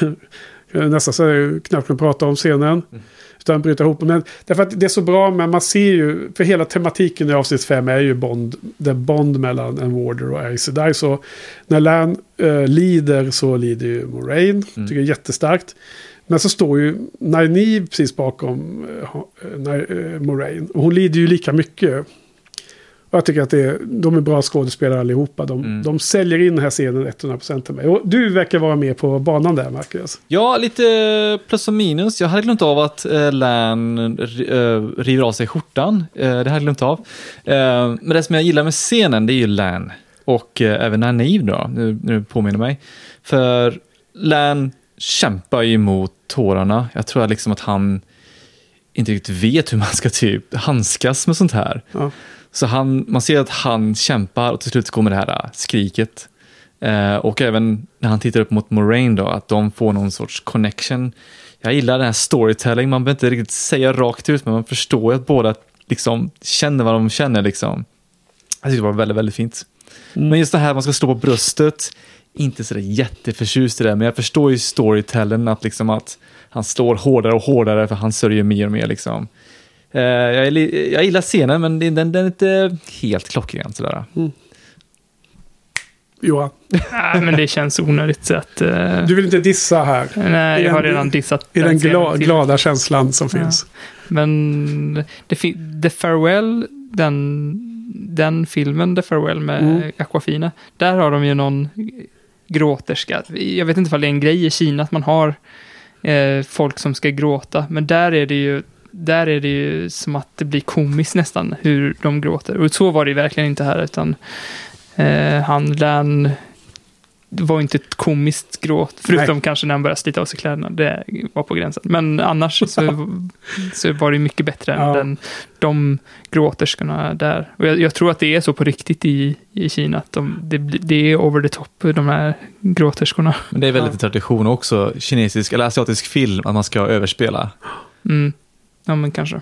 Det är. Det är väl olika kulturer, de har olika sätt att uttrycka sorg och det ska, ibland är det väldigt tyst och väldigt så här internt. Mm. Typ Norden, Finland, Ja, det Sverige. biter man ihop. Ja, liksom titta ner, gråter tyst.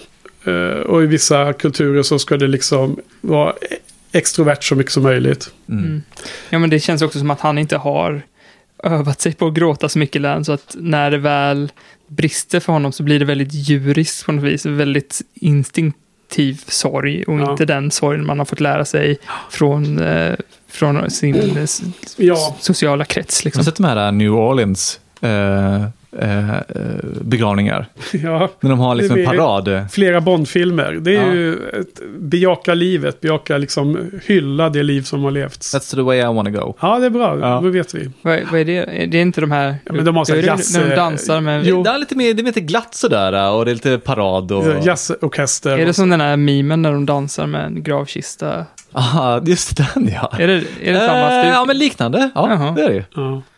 Okej, så vi ska ta och komma till sammanfattningen. Då. Nu är det hög tid för det. Får jag bara skjuta in en, Ja. min sista grej där? För jag, jag tänkte på att när Lan... Eh, det hade varit, det var nice fall att Lan lärde, lärde sig av Steppins mis, eh, misstag, eller vad man ska kalla det. Att han, det kändes som att han levde lite för sin Aes Sedai. Att han inte hade sitt egna, sin egna anledning att leva lite grann. Så när hon dog, då hade inte han någon anledning kvar att leva. Mm. Så jag hoppas att han kanske börjar grubbla lite på det och tänka så här att jag kanske borde ha mitt, mitt egna why, eller med, mitt egna Okej. mål, mål med livet och inte bara leva för att liksom, vara hennes tvåbenta lapdog. Ja. lapdog. Lapdog. Men och vad, vad skulle den tanken leda till då? Ja, men ha ett eget syfte med en, e- en egen me- mening med livet. Och det är väl typ så här det vi alla funderar på vad det är, men att bara börja fundera på det kanske leder till att, Ja. att man inte bara lever för en person, utan lever lite för sig själv också. Kanske. Mm. Så det, ja, det var väl det som jag tänkte på kring Lance sorg där. Mm. Blood and ashes. Det blir jättespännande Mm. att se vad som händer i storyn vidare. Då, då, vi måste ju få eh, Amazon att betala för fler säsonger. Så vi får se hela... Ja, men du, I vill- du är väl polare med Jeff Bezos eller? Inte riktigt ännu, men eh, med den här eh, Certified Fresh på Rotten Toma- Tomatoes så är ju fansen på Twitter är ju nu övertygade om att nu är allting lugnt. Nu kommer, Ah. nu kommer Amazon betala. Är det Amazon som äger Rotten Tomatoes? Eller? Nej, det vet jag inte. Men, det är, nej, det är v, WB, vad heter det? Warner Brothers som äger Är det så? aha. Det, Eh, jag såg faktiskt en kommentar på Twitter om att eh, Wheel of Time till skillnad mot vad jag trodde var den allmänna kännedomen om eh, showen var att de hade li- låg budget.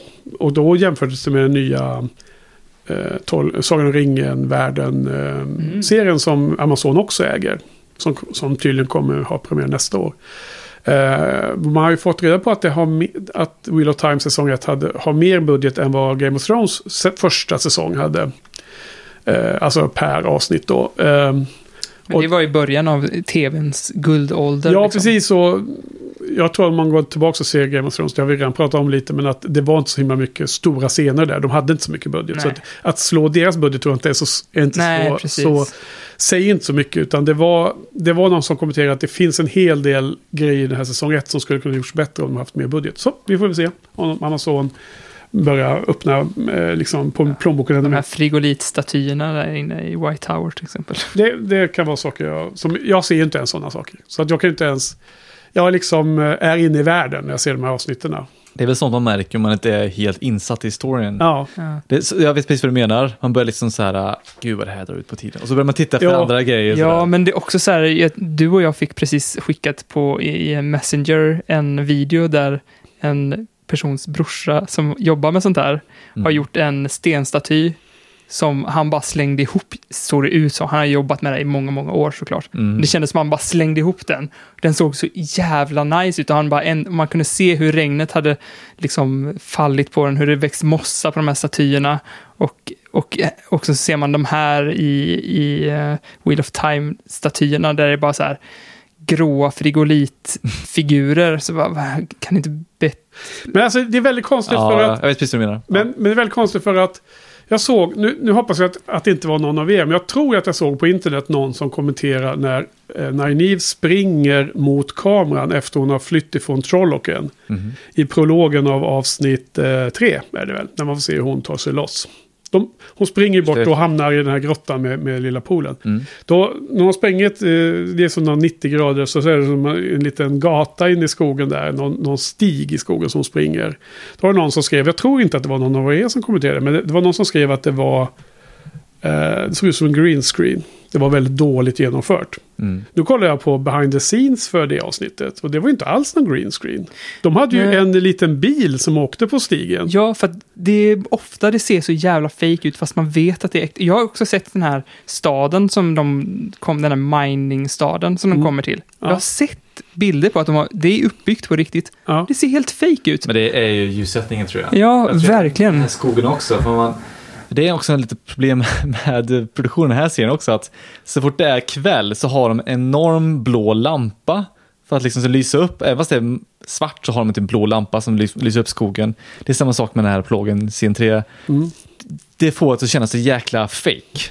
Den Ja. grejen. Men också det här när, Alltså, jag- när Tom ja. sjunger där inne på den här Ja. minstadens bar. Och jag sa att det här är ju synkfel. Liksom. Det, Ja, just det. Vi och du pratade bara- om det. Och du hade också sett behind the scenes. Bara, det, här är ju, det här är live. Så, bara, fast det ser ju fake ut. Ja. Så att, Nej, och, och när jag ser Nadine springa så ser det lite konstigt. Det ser ut som att någonting är warped runt det där. Men när jag såg behind the scenes så sprang hon ju ikapp bilen. Det var inte meningen. Sprang lite fortare än vad de hade planerat. Ja, så att, men det är någonting med kamera, med eh, fokusdjup och allt sånt där man kan Mm. laborera med. Ljussättning och så vidare. Effekter liksom i eh, cinematography. Men vi, ska, vi ska ha sammanfattning här. Ehm, Jo, men jag, jag tycker att det är precis som du eh, hoppades på när du skrev kommentar på eh, min blogg angående förra avsnittet Johan. Det är faktiskt bättre och bättre varje gång. Det här är liksom... Alla fem har blivit bättre än det förra. Det här är det bästa för mig hittills. Jag ger den 9 av 10. Jag tycker att det var otroligt för en bokläsare. Och, eh, jag ser hellre de här känslorna och karaktärerna och de här relationerna som byggs upp och de här, alla de här foreshadowing som jag inte pratar om i podden men som jag får prata med Patrik om här imorgon då. Eh, över halvdana actionscener. Eh, och actionscener som har varit, eh, hittills har varit eh, liksom underwhelming ibland. Förutom den här eh, fighten mellan Tom och The Fade i förra avsnittet tyckte jag var badass. Så, Ja, det så räckte faktiskt. och här är det väldigt många bra skådespelarinsatser som jag då tycker att det, det kommer lite som du var inne på Marcus, att nu har serien satt sig så nu kan vi börja följa en riktig story. Och de jag, jag verkligen vill lyfta upp är Nynaeve och Egwene. Det är Rose, um, Zoe Robbins och Madeleine Madden. Sen gillar jag också Moraine Lan och Loyal i det här avsnittet. Det var väldigt bra men de var liksom andra ledet. Och sen Rand, uh, Matt Perrin är liksom inte riktigt lika mycket fokus nu. Så att eh, 9 av 10 för mig. Eh, vad säger du Marcus? Det här var också det bästa avsnittet, jag håller med. Ehm, jag vill se mer av Child Ballad. Mm. Hade han varit mer med, hade han, hade man fått- så här 10 minuter till hans backstory, det hade Ja. varit, yes, det här var varit en 10 av 10. Alltså. jag älskar honom. Nej, men eh, jag gillar avsnittet. Det var eh, kul att se liksom när de pratar om, och, om sorg och handla, pratar om liksom när folk dör liksom och hur folk reagerar på det. Jag gillar alltid på något sätt det liksom. Det kanske är typ svensken i mig som gillar Vemod. vemode som, som endgame älskar den första timmen med alla bara är deprimerade. Eh, Samma här. Ja, så- men eh, absolut, sju av tio säger jag. Ja, Johan? det är ke- exakt samma. Det, det blir bättre och bättre. Jag är också sju av, sju av tio. Och eh, sjätte avsnittet nästa fredag. Kommer vara bäst av alla då.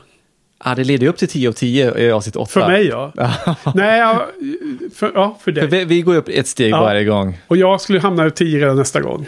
Ja, just det. Ja, och så kanske jag får en liten backe ner istället. Usch. Så får, 11, 11 av 10. ja, just, det. antingen 11 Du av kommer 10. bara ligga på golvet och skrika som län och ja. driva av t-shirten. Ja, nej, men, ja, precis. ja, eh, jag är inte stark nog att slita, loss, slita Ja, du har ju gott om tid att träna upp dig. Jag måste ta någon av de så här mest uttvättade t-shirtarna så man får upp det. Tricket är att de, de, de t-shirt. typ gör till små hål innan. Ja, ja, ja. förstått, liksom. Perforera det lite. Ja. Nej, men alltså, det känns också lite som att det är en sån här lugnet före stormen. Det är liksom ett pratigt avsnitt. Man hade liksom, det känns som att, kommer ni ihåg i säsong 8 av Game of Thrones att de första två avsnitten som var väldigt bra, rel- relativt de övriga avsnitten, de var liksom mycket prat, mycket vänta på vad som skulle hända. Och därmed blev det så här en-till-en karaktärsmoments. Och sen så fort det som man väntar på händer, då var det inte bra längre. Nej. Så att jag är ju rädd för den utvecklingen här. Men vi ser fram emot eh, en, ännu en, för, en förstärkning. Bättre och bättre och bättre, det är bra. Okej, men nu har vi hållit på. Jag tror att vi slår eh, vår rekord på långt avsnitt. Men vi har pratat om eh, ett avsnitt i, i showen. Då får det ta tid. Så att nu var det slut här glaset. Så då är också avsnittet slut. Men det är fullt i kissblåsan. Ja, det. Så tack för ikväll Marcus. Tack Johan. Tack på, Tack tack gevär. Jaha, tack till oss och tack till alla lyssnarna så hörs vi igen om en vecka. Bye, bye. Bye bye. Hej då! I'm sorry. Sleep, man. You need to rest.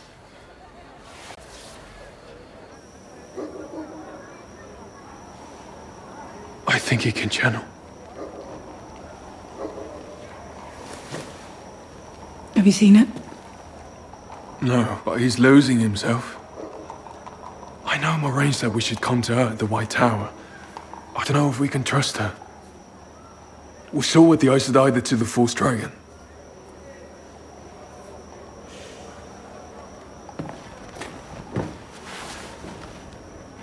You've done well. To bring him here. To take care of him. We don't need the Aes Sedai. We're two rivers folk. I'll heal what I can, and when Egwene and Perrin arrive, we'll sort out the rest. Together.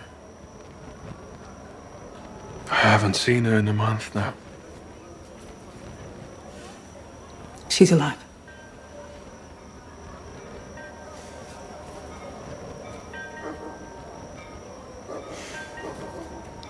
You know, when Egwene was little, barely ten, her parents brought her to us.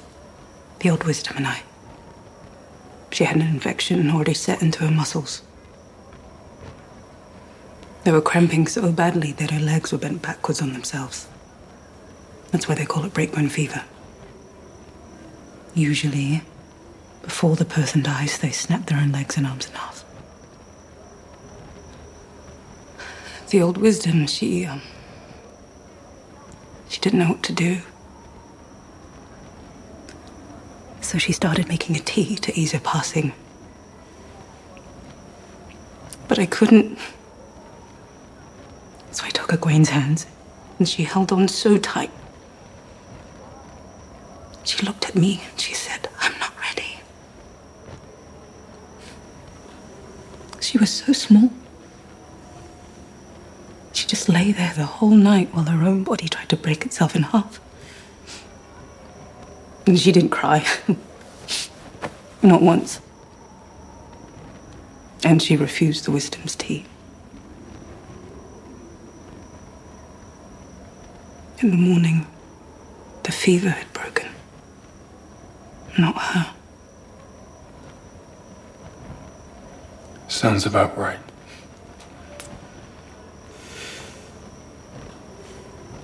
Egwene is many things. But above all else, she's unbreakable.